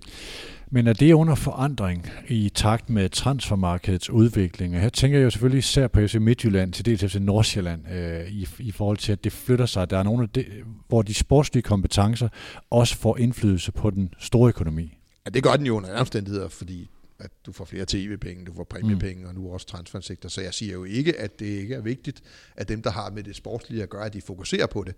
Øh, jeg, jeg siger bare, at det er strengt taget vigtigere, hvor mange penge de får at gøre godt med, end hvordan de bruger dem. Det betyder ikke, det er uvigtigt, hvordan de bruger dem, men vi snakker kun om, hvordan de bruger dem. Vi snakker kun om, at det var mange penge at bruge på Pape Diouf, øh, der, der næsten ikke spillede nogen kampe på FC København. Øh, men vi snakker ikke om, at det var alligevel imponerende, at FC København var i stand til at købe sådan en spiller, og i øvrigt købe en anden, da de måtte afskrive ham. Og hvis vi for eksempel ser på den nuværende situation i de forskellige klubber, så kan vi jo sige, at, at øh, det der jo er på den lange bane interessant i det her, det er, at FC København kan vælge at købe flere spillere. De kan slå skæverter i transfervinduet og alligevel have et stærkt hold. Altså, men det, vi snakker ikke så meget om, hvorfor det er sådan. Men det er jo fordi, de har konfigureret en, en, en, en koncern, der gør, at det ikke er afgørende. Øh, men vi vil meget hellere snakke om, om en spiller er 2 eller 3 millioner euro værd. Hvordan så du på det dengang? Øh, det her årti er jo præget af, at der kommer en FC København-model, og alle vil have den her model og sige, vi skal have vores. Det kan være øh, Aalborg med ejendomme, det kan være OSC i forhold til kongresscenter, det kan være øh, racer øh, halløj, og det kan være øh, papirfabrik i Silkeborg, det kan være alle mulige ting, hvor man har sige, at vi skal have en anden økonomi, som gør det, som LaLandia gør for FC København. Når I sad og kiggede på det, og sige, alle andre prøver at lede efter deres LaLandia, eller hvad det er ejendommer, hvad de nu leder efter, øh, tænkte du så, at der er ikke nogen, der kommer til at lykkes med det, eller tænker du, at jamen, det, er, det er klogt? Øh, jeg brugte ikke så meget tid på det, hvis jeg skal være ærlig. Øh, jeg vidste, det ville blive vanskeligt, fordi at, at de muligheder, vi havde, kvæg vores kapitalbase, kvæg øh, vores øh, øh tilstedeværelse i, i landets største by, øh, kvæg vores egenkapital og sådan nogle ting, var på et helt andet niveau, end at øh, når Silkeborg købte et IT-selskab med seks ansatte, eller hvad det altså, så, så du kan sige, det var, det var, det var, der, de, øh, dimensionerne var øh, helt anderledes. Det betød langt mere, at, at, at Brøndby øh, i en kort overrække fik et meget, meget stort indflow af penge, direkte til brug for førsteholdet for Kaji Jesper. Altså, øh, en, en om nogen, de ville kunne etablere en forretningsmodel, der er jo sindssygt langt fra den halvanden milliard, vi omsatte i FC København, og så til hvilken som helst omsætning en hver mm. anden fodboldklub ville kunne generere i, i, øh, i, i Danmark øh, på i hvert fald nogenlunde kort tid. Og vi behøvede jo ikke at stoppe ved det, hvis det var det, der, hvis det, var det, der skulle afgøre tingene. Så, så nej, øh, øh, jeg mener jo også, at, at i sådan nogle tilfælde må man jo også kigge på den enkelte investering. Er det en god eller en dårlig investering? Øh, vi, øh, vi kunne jo se, at vi havde foretaget en række rigtig, rigtig, rigtig fornuftige investeringer. Øh, det var jo så også det, der endte med at, øh, at, at, at, at medføre en relativt stor gældsætning. Øh, det skal man jo også huske på. Mm. At, at øh, efter, efter øh, etableringen af taget på parken og købet af kontortårnene, så ændrede FC København jo, eller parken jo, øh, metode, hvor man før i tiden gik ud og lavede en emission, sådan så man fik strengt taget pengene fra investorer, øh, så fulgte man, hvad rigtig mange i erhvervslivet gjorde der i, øh, i nullerne, øh, og gik over til en, øh, en, en lånebaseret øh, vækststrategi. Øh, og i sidste ende var det jo det, der endte med en gæld på, eller det var så det, der var ulykkeligt, da man så løb ind i finanskrisen i, øh, mm. i øh, 2010 øh, især, ikke? eller 9-10. Så, øh, men, men det er sådan en lille sidespring. Øh, der var ikke, der var, jeg tror, jeg, jeg var på intet tidspunkt øh, nervøs for, at nogle andre var ved at opfinde en udenomstrategi, eller hvad nu skal kalde det, en koncernstrategi, som kunne matche FC Københavns. Det hører også med til historien, at selv hvis de lykkedes sportsligt, ville de kunne få mindre ud af det, end vi kunne i FC København. Et FC København i Champions League har mange flere tilskuere. Det spiller på et større stadion, der er sit eget og ølindtægter og alle de ting, der følger med. Vores sponsorindtægter er i forvejen så meget større, så bonuserne er også så meget større. Så du kan sige, vi havde på en eller anden måde fået etableret os i en position, hvor selv hvis de andre lykkes med at gøre det samme som os, så ville de skulle gøre det i mindre skala. Kan transfer være en klub Slalandia? Øh, altså finansiering af din drift og, og dermed mulighed for at skabe et stærkt førstehold, uanset om det kommer fra transfer eller Landia, eller hvor den nu kommer fra, øh, vil gøre dig sportsligt stærkere, hvis du bruger det på et fodbold. Men der er to udfordringer med at se på transfer på den måde. Den ene er, at Øh, transfer er ikke et særligt beskyttet øh, øh hvad skal man sige, aktivitet. Det er svært at forestille sig øh, et tredje LaLandia, øh, tror jeg, øh, eller det vil i hvert fald kræve en milliard kroner i investering. Det vil ikke kræve nær så meget at bygge en rigtig, rigtig fornuftig masterclass eller akademi, eller hvad det nu måtte være, op. Så altså, det er muligvis rigtigt, at Midtjylland har en helt speciel indgangsvinkel til at talentudvikle, og de har i hvert fald en god track record også med at sende folk ud i Europa, og det betyder noget, men hvor beskyttet er den konkurrencefordel, det vil jeg godt tillade mig at stille spørgsmålstegn ved. Mm. Jeg ved godt, den, når du lægger øh, komponenterne sammen, altså track recorden, øh, data og måden, de bruger data på, i, i både i udvikling af spillere og rekruttering af spillere og sådan nogle ting, kan godt op, det kan godt, du kan godt skabe et midlertidigt konkurrencefordel. Altså, men det, jeg tror ikke, den er bestående over tid. Det er den ene udfordring i det, at, at nogle andre kan kopiere den, måske endda nogle andre med, større, med mere kapital, og måske gøre det endnu bedre. Øh, købe de ansvarlige, for eksempel, over til sig selv. Øh, den anden problemstilling er lidt, og det er ikke ophævet endnu, at de spillere, der er mest værd for dig, er de bedste spillere. Så du sælger øh, som udgangspunkt typisk fra toppen af holdet. Mm. Det vil alt den lige betyde en lille sportsligt dyk, eller et stort sportsligt dyk. Jeg ved godt, at der er folk, der begynder virkelig at tjene penge på at sælge fodboldspillere, der endnu ikke har været på førsteholdet. Altså, og det er klart, det bløder op på den der udhuling af din sportslige kvalitet, når du skal leve af transfer.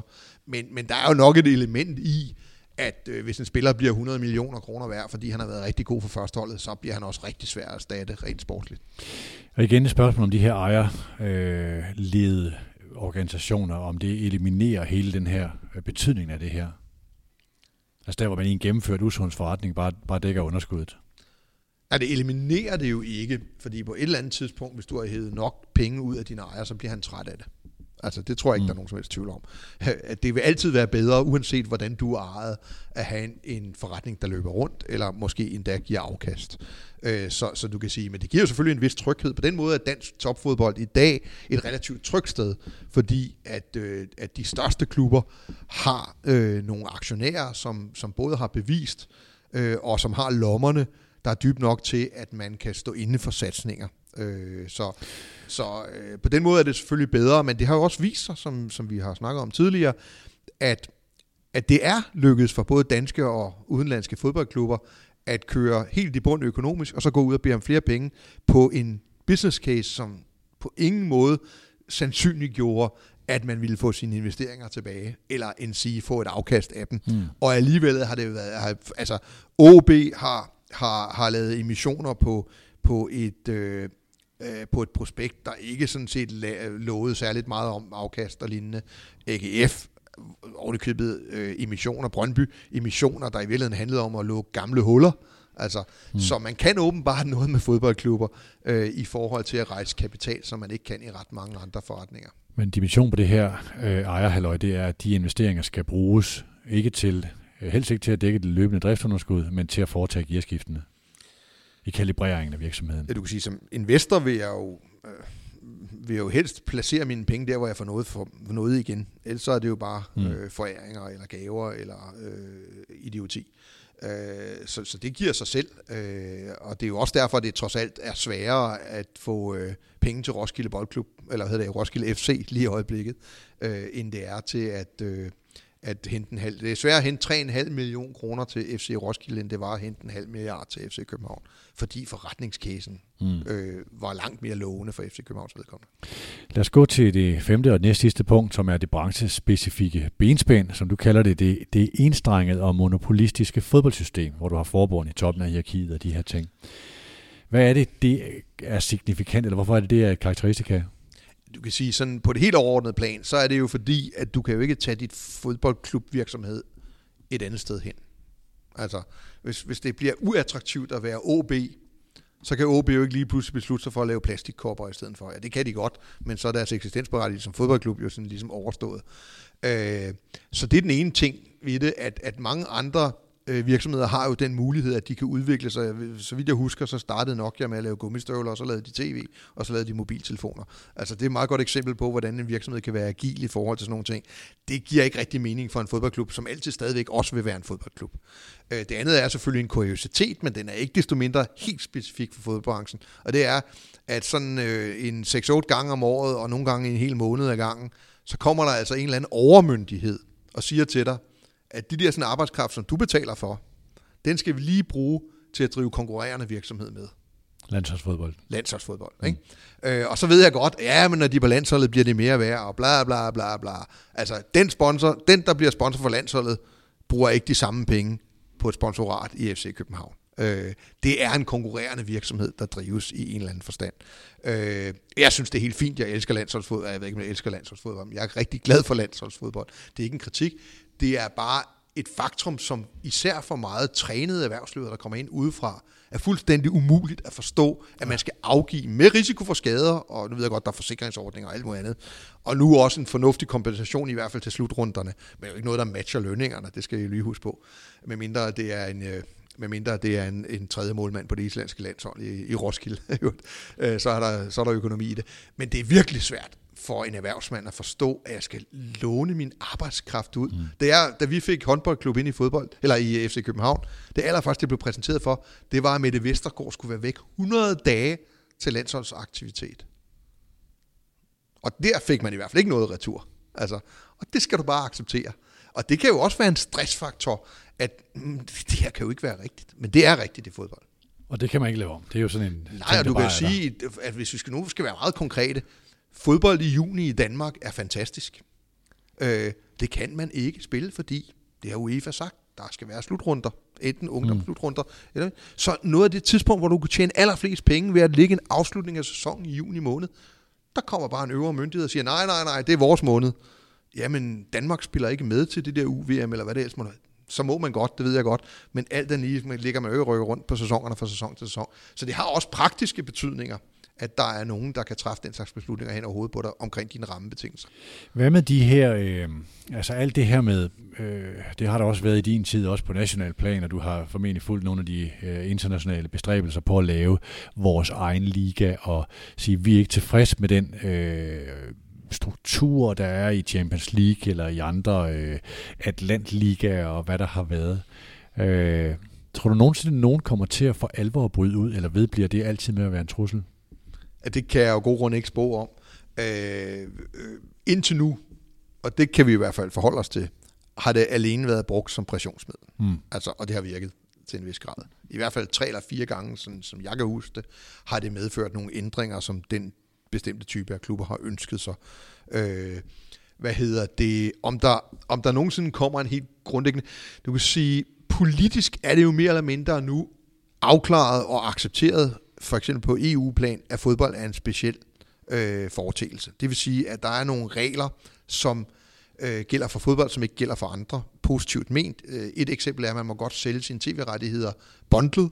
Det er jo i virkeligheden et kartel, når 14 fodboldklubber i Danmark går sammen om at sælge deres fodboldkampe. Mm. Altså, det ville man ikke se, hvis 14 tagkonstruktionsselskaber gik sammen og sagde, at det her koster det at ligge et tag i Danmark så ville konkurrencestyrelsen være der lige med det samme. Øh, og sådan noget er accepteret i fodboldens verden. Øh, på et tidspunkt var der også den her liste over sportsaktiviteter, der skulle vises på øh, national tv, selvom rettighedshaverne kunne tjene mange flere penge mm. på noget andet. Og det siger jo noget om, at der er, et, der er en vis accept i befolkningerne, fordi alt den lige afspejler politikerne på det her punkt nok øh, i høj grad poli- øh, befolkningerne, at, at hmm, vi accepterer lidt det her indstrengede monopolistiske fodboldsystem med op- og nedrykninger og internationale, øh, hvad hedder det, uger og alle de her sådan ting, der følger med der. Mm. Øh, så, så, så det er ikke så let et skridt, som man går og forestiller sig. Øh, og altså, de fleste rigtig store forandringer sker ud fra en eller anden form for en brændende platform. Og så vidt jeg kan se, så tjener de store klubber ganske fornuftigt med penge. Øh, men jeg vil ikke udelukke det, at øh, det ender der, men øh, vi vil nok nærmere se, tror jeg, nogle, øh, nogle, nogle, nogle tiltag, som minder lidt om det, men som stadigvæk ligger inde i UEFA's regi. Eksempelvis den her divisionelle opdeling af Champions League, som man har set i håndbold. Hvad med at bruge sin energi på at være lobbyist? Altså det er jo noget, som i FC København. Jeg går ud fra, at du selv har været involveret i noget af det. Christian Holmstrøm har brugt meget energi på det. Anders Hørsholdt brugt meget energi på at sidde til møder med Kalle. Det var Karl Heinz Rummenigge og den slags.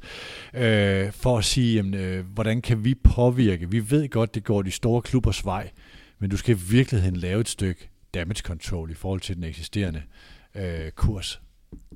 Altså, jeg tror ikke... Hvor meget kan man flytte?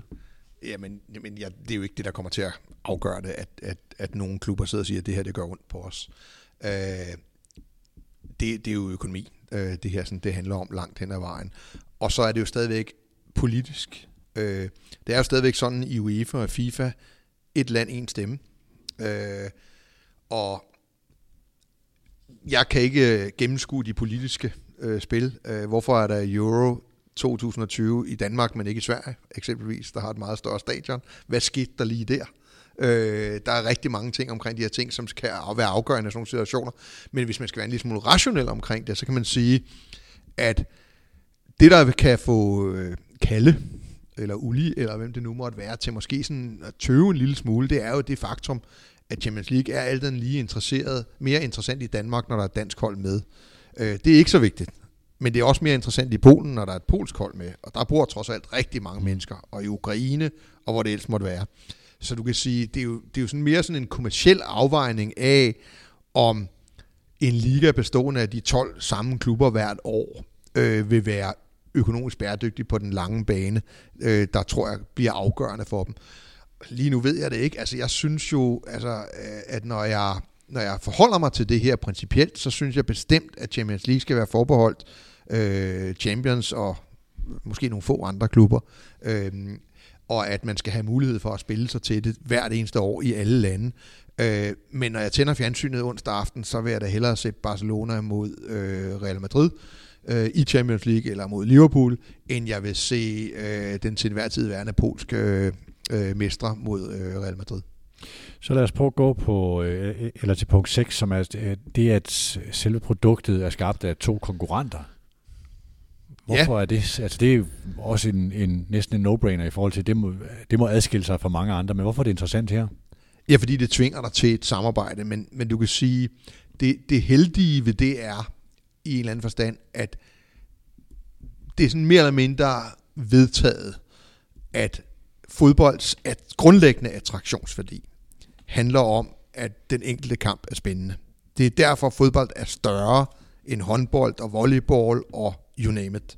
Øh, det er, fodbold er det, man kalder low scoring game, øh, og det betyder, at relativt få hændelser kan tippe en fodboldkamp. Så det vil sige, vi, vi, vi ved næsten aldrig, hvem der vinder på søndag, men vi ved næsten med sikkerhed, hvem der vinder turneringen. Det, det er jo sådan det groteske paradoks mm. i fodbold, og det er i virkeligheden også det, som, som det er mere eller mindre accepteret, at det er det, der trækker folk hen til tv-skærmen og øh, ud på stadion, at det er ikke en paradeforestilling, øh, som det er jo nogle håndboldkampe for eksempel, at, at, at der er bare hold, der er så uendeligt meget bedre.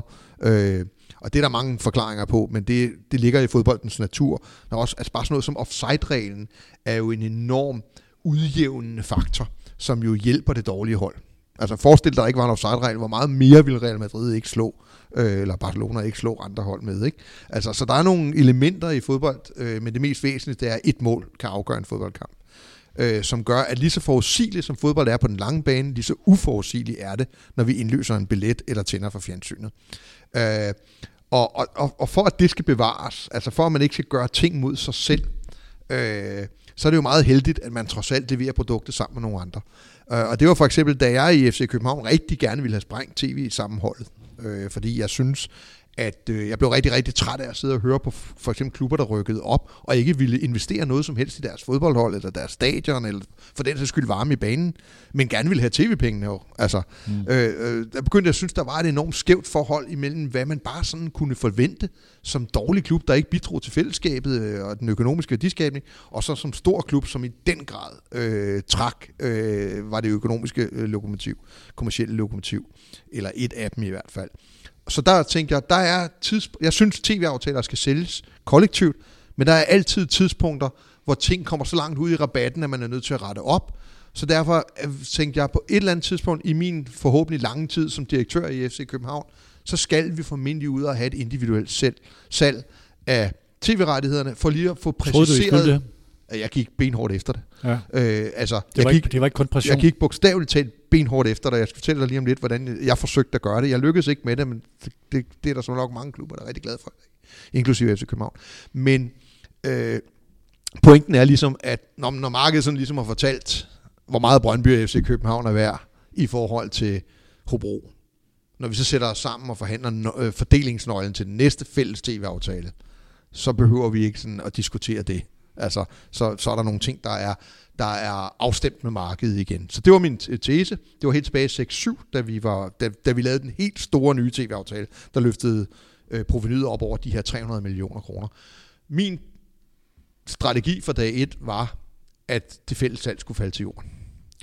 Øh, det bliver man ikke særlig populær, og der er ikke ret meget politisk kapital i det, og der er kun én ven, du har i det, og den klub var på daværende tidspunkt ledelsesmæssigt handicappet. Mm. Altså øh, af Indre Strædighed og Per øh, Bjergårds øh, positionering efter Michael Laudrup. Og der var en masse ting derude, som gjorde, at, og vi snakkede jo ikke særlig godt sammen. Øh, sådan, der var Flemming Østergaard og Per Per Bjergård heller ikke sådan, Nej. øh, helt på, på, på øh, altså, så, så vi var sådan, jeg sad sådan lidt alene. Hvis jeg havde Brøndby med, havde jeg bare sagt.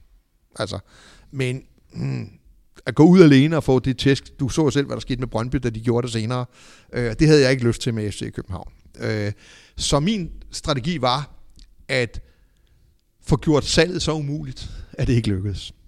Og det gjorde jeg ved at insistere på, og det er, der er meget stor forskel på at insistere på at have en høj mindstepris per pakke, og så på at sige, at vi vil lave et individuelt salg. Altså, så det var mit forsøg på at få tv-selskaberne til at sige, hej, så mange penge vil vi ikke garantere. Og da vi åbnede budene til de forskellige pakker, vi etablerede dengang, jeg tror det var seks, øh, inde på, jeg kan ikke huske om det var, jeg tror Claus, øh, ja Claus Thomsen var med dengang også, men det var inde på et eller andet øh, øh, konsulentbyrås øh, kontor, hvor, hvor, hvor budene skulle afleveres. Øh, der var jeg fuldstændig sikker på, at der, og vi havde fået skrevet ind, hvis ikke alle pakkerne, hvis ikke øh, minimumsprisen for alle pakkerne var blevet opfyldt, så, skulle, så var udbuddet øh, slut. Altså. Og så havde vi en anden forhandlingsposition i forhold til at splitte tv-aftalen havde.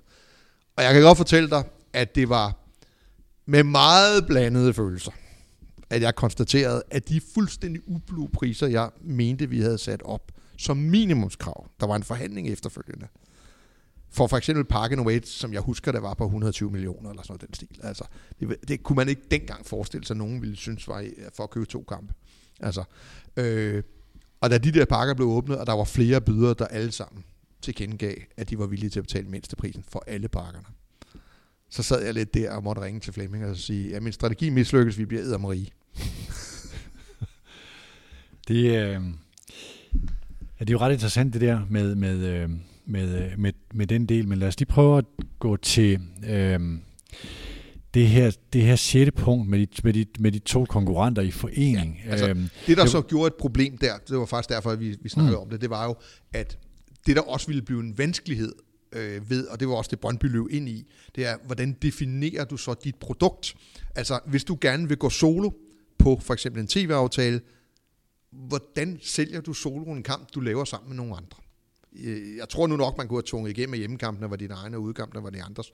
Men, men så simpelt er det faktisk ikke. Øh, så, så, så, så derfor er der nogle ting, som, defin, som defineres ud fra, at vi skaber produktet sammen, øh, som er anderledes i alle andre brancher. Og du er nødt til at håndtere, at ikke alene er den enkelte kamp noget, du skaber med en anden klub. Hele turneringen er noget, du skaber sammen med en masse andre klubber.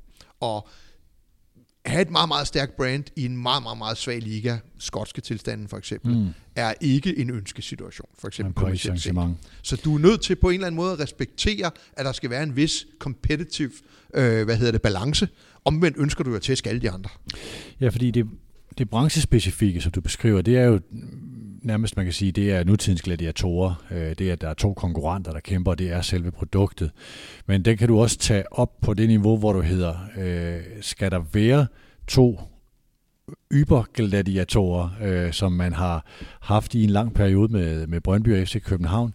Og der er mit spørgsmål, om det er en fordel, at der bliver flere af den slags rivaliseringer, hvor man nu ser FC Midtjylland FC København konkurrerer, Og det er også en meget stor kamp, øh, uden at jeg kan se tallene på fingrene. Øh, så er det ikke mit indtryk, at den, at den kan det samme, som duopolet kunne. Hvad vil du synes var et ønskescenario? Altså, det griber ind i en lidt anden læresætning, som, som vi også efterlevede meget i FC København, og det var det her med, at den, der larmer mindst, sælger færre billetter. Og opgør, der larmer, sælger alt andet lige flere billetter, eller sådan har det traditionelt i hvert fald været. Øh, og så kan man sige, det er jo også det, man har prøvet at skabe med for eksempel slutspillet. Altså man får nogle nedslag i løbet af turneringen, hvor der larmes mere. Øh, det man helt konkret har fået ud af det her i første omgang, det er, at der larmes med nede, nede i midten af rækken, og larmen op i i den øverste del af rækken er blevet meget mindre, mm. og nede i den midterste del af rækken er tilskuerpotentialet oftest mindre, i hvert fald, end den er oppe i toppen af rækken. Så samlet set er jeg ikke sikker på, at det, det, det skaber en ekstra attraktionsværdi. Men det er rigtig, rigtig godt, når FC Midtjylland og Viborg øh, bliver et, øh, et, et, et opgør, som bliver mere end FCK, eller mere end FC Midtjylland mod Viborg i gamle dage. Øh, og den slags ting skal man, øh, skal man dyrke. Så tror jeg, vi er ved at have gennem de seks punkter, øh, medmindre du har en, øh, en øh, afsluttende bemærkning på det, inden vi går over til vores afsluttende element, som er den hedrende omtale. Er der Nej, altså, ja, det, det skulle bare lige være det her med at understrege, hvor mærkeligt det er for traditionelle erhvervsfolk at, at, at lægge de indlærte metodikker på hylden. Øh, at du kan ikke, du kan ikke altså, ja, du kan lave bonusordninger, hvis folk kvalificerer sig og sådan nogle ting. Ikke? Altså, jeg, jeg kan fortælle en lille anekdote om, om øh, en sponsor, som jeg havde siddende ikke så langt fra mig i FC København på et tidspunkt, og lagde mange penge i FC København, var meget lojal og en fantastisk god sponsor på alle planer, men også meget engageret. Øh, og øh, på et tidspunkt, så, øh, så havde jeg hørt nok omkring, på et tidspunkt, vi var lidt i krise, og vi var jo aldrig i krise, men, øh, Nej, det var det. vi, vi, havde, vi havde måske spillet uafgjort to kampe i træk, eller sådan noget. Der var specielt en spiller, en ung spiller, som ikke havde præsteret sådan særlig godt. Og så øh, til sidst, så kom ham sponsoren jo hen til mig, og jeg havde jo ikke noget med det sportslige at gøre for det første. Det blev som regel mit værn. Jeg sagde bare, at han sidder længere nede i rækken. Men, men på det her tidspunkt var der bare blevet nok, nok for mig. Så jeg tog ham ind og sagde, nu tager vi lige en kop kaffe efter kampen. Og så sagde jeg ned, så sagde jeg, øh, Øh, at du skal, og nu skal jeg, kan simpelthen ikke forstå, at I ikke, og hvorfor fortæller I dem ikke bare, og trækker dem i løn, og alle de der sådan ting. Og så prøver jeg sådan at sige til ham, ja, men alle dine fodboldspillers liv bliver bedre, hvis han spiller godt, så der er ikke sådan noget udefra kommende, vi kan gøre det. Sådan her. Ah, men når han sådan, bum, så, så, så, rolig nu, sæt dig ned. Så siger jeg, hvordan går det med din knægt? Jeg vidste, han havde en søn, der var 20-21 år og sådan noget. Ah, det er helt håbløst. Han kan ikke få fingeren ud. Han ved ikke, hvad han vil studere. Han vil, og han snakkede sådan to-tre minutter om den her sådan knæk, som jeg også kendte lidt. Og så, kig, så kiggede jeg bare på ham, tak, så behøver jeg ikke sige mere. Øh, Sam, ham du har siddet og råbt og skrevet af, han er et år yngre end din knægt. Din knægt kan ikke finde ud af at stå op og sengen om morgenen. Ham der, han spiller mod kvalificeret modstand hver eneste søndag. Og ja, det er ikke alle tæmninger, der ser lige gode ud hver gang. Men jeg tror sgu ikke, det råd. Det hjælper ikke rigtig meget, at vi går ned og råber af ham. Altså, og, og, og det, det illustrerer meget godt, hvor... Og, og, og manden kiggede jo bare på mig, så sagde han, fuck mand, jeg kan ikke få min egen søn til at stå op om morgenen. Og så sidder jeg og tror, ja. at man kan bare gå ned i et omklædningsrum. Så jeg, jeg ved du hvad, hvis det var sådan, hvorfor gjorde alle så ikke bare det? Mm. Altså, så det er helt reelt, og jeg siger ikke, det ikke er kompliceret at drive en IT-virksomhed, eller hvad det ellers måtte være. Alle virksomheder har deres egen kompleksitet. jeg siger bare, det er sådan en lidt anden type af kompleksitet, mm. du løber ind i en fodboldklub. Til sidst har vi vores element med hedrende omtale, som vi uh, slutter udsendelsen af med. Skal jeg starte den? Jeg sad i går med en yngre kollega. Øh, vi kom til at tale om øh, journalister, og jeg bragte en gammel medarbejder op. Øh, mange kender ham måske ikke af, af, af lytterne i dag, da Medianos lytter er yngre, men han hedder Torben Larsen. Han døde i juni 2017 af en svulst i hjernen. Torben blev kun... Kan du huske ham? Ja, jeg tror godt, jeg kan huske. Torben blev kun 64 år. Tola, som han blev kaldt. Han boede på øh, Fyn, han kom fra Forborg, og er den med meget, meget, meget stor afstand mest besværlige og på mange måder kropumulige medarbejder, jeg nogensinde har haft. Torben kunne drive sine kolleger øh, til virkelig mærkelige ting, øh, nærmest til, øh, til vanvid. Men han gjorde det i sådan en helt ubeskrivelig ærekærhed og ambition. Torben ville måske være gået bort tidligere, hvis en af hans historier ikke havde holdt så perfektionistisk og ærekær var han altså holdt som, som, som, som værende korrekt. Han har været på BT i mere end 25 år. Øh, øh, og jeg tænkte tit sådan på den der indstilling og agerighed efter 25 år med at have lavet det samme. Altså været på alle landsholdets ture i hele perioden og beskæftiget sig med tysk fodbold og OB hvert eneste år og haft alle nyheder om alle trænerfyringer i alle årene. Øh, så jeg har, altså, hvor jeg har bandet af ham og hørt på mange, der, der ønskede ham hen, hvor noget, der er meget, meget mere ondt end peber, de gror. Øh, men, men, men den der indstilling, den inspirerede mig også, og det tør jeg ikke. Altså, jeg tror ikke, Torben han vidste det. Øh, jeg kaldte ham ofte sådan min Anja Andersen. Han var tæskebesværlig, men det var også ham, der vandt kampene for os. Ham, der gjorde ondt på andre sådan nogen som Tola findes i den grad ikke i, øh, i dag. Øh, mange af mine nærmeste medarbejdere havde svært ved at forstå, at Torben ikke blev skubbet ud i en af de mange fyringsrunder, der var i de år. Men jeg respekterede manden, selvom han sikkert i perioder har lavet voodoo øh, på sådan en dukke forestillende mig som den onde chef. Øh, men øh, Tola skal have min, øh, min hædrende omtale i dag for at have haft det drive igennem hele sin karriere stået for en, en så gedin journalistik, som han stod for. Det lyder fantastisk. Øh, jeg siger ikke noget om, man måske er til godt kunne savne den samme øh, indgangsvinkel øh, i dag, i hvert fald på øh, især internetjournalistikken. Øh, jeg har valgt en lidt anden indgangsvinkel. Jeg har valgt en person, som øh, jeg aldrig har mødt, men som alligevel har haft rigtig stor betydning for den måde, jeg ser på fodbold på. Og så kan I så give ham skylden. Øh, Stefan Szymanski er en øh, professor øh, som lige nu øh, og siden 2011 har været ansat ved University of Michigan faktisk. Han er englænder, skal det lige siges. Har en Ph.D. fra, jeg tror, London University.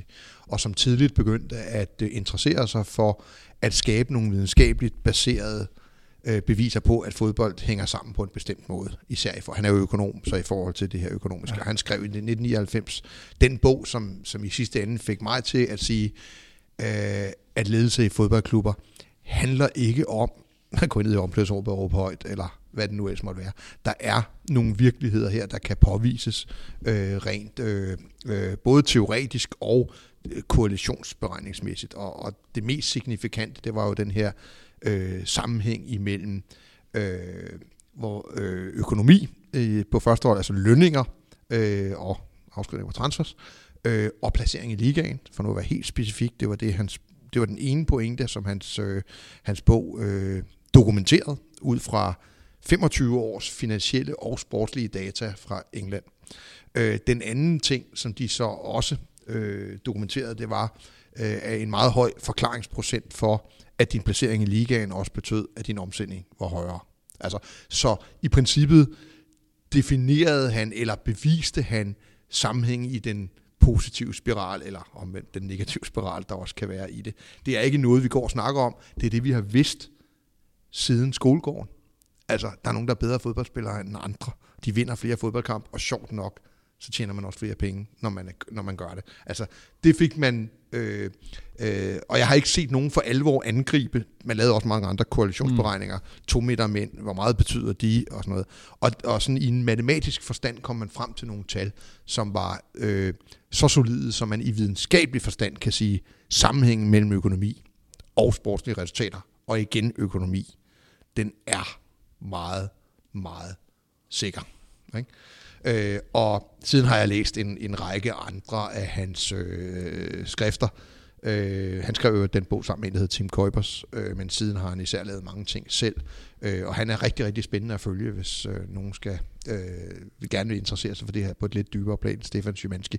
Han er også på sociale medier. Ude på Twitter, og han udgiver jer til nogle akademiske papirer og sådan mm. noget, og han øh, har også skrevet Soconomics, som, som ja, der er en del, ja, der, ja. der kender til. Og altså, øh, jeg kan ikke huske, om det var ham, men i samme skole er det jo sådan interessant. Der er lidt den, der hedder The Numbers Game, hvis der er nogen, der kender det. Jeg tror ikke, det er ham, der har skrevet den. Jeg ved ikke, det er ham, der har skrevet den.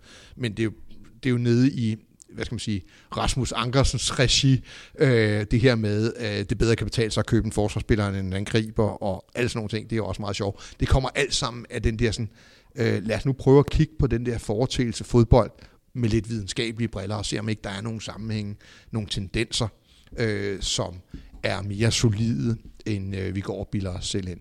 Øh, og det var for mig en åbenbaring, øh, og øh, det betød jo, at jeg følte, at jeg kunne have en eller anden retning i den måde, jeg arbejdede på.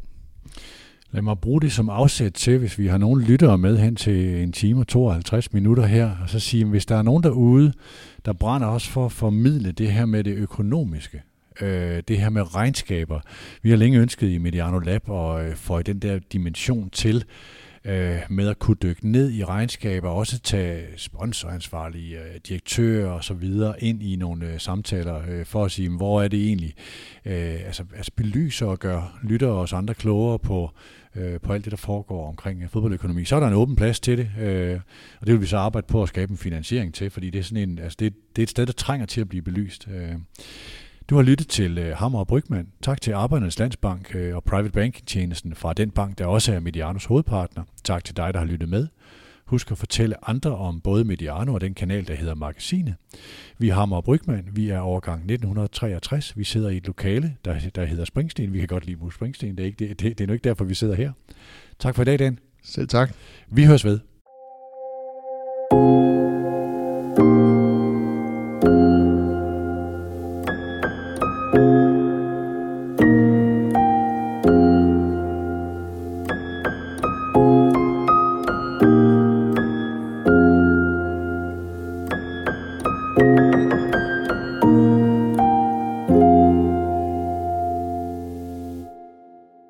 Udsendelsen var produceret af Mediano Media og sponsoreret af Arbejdernes Landsbank.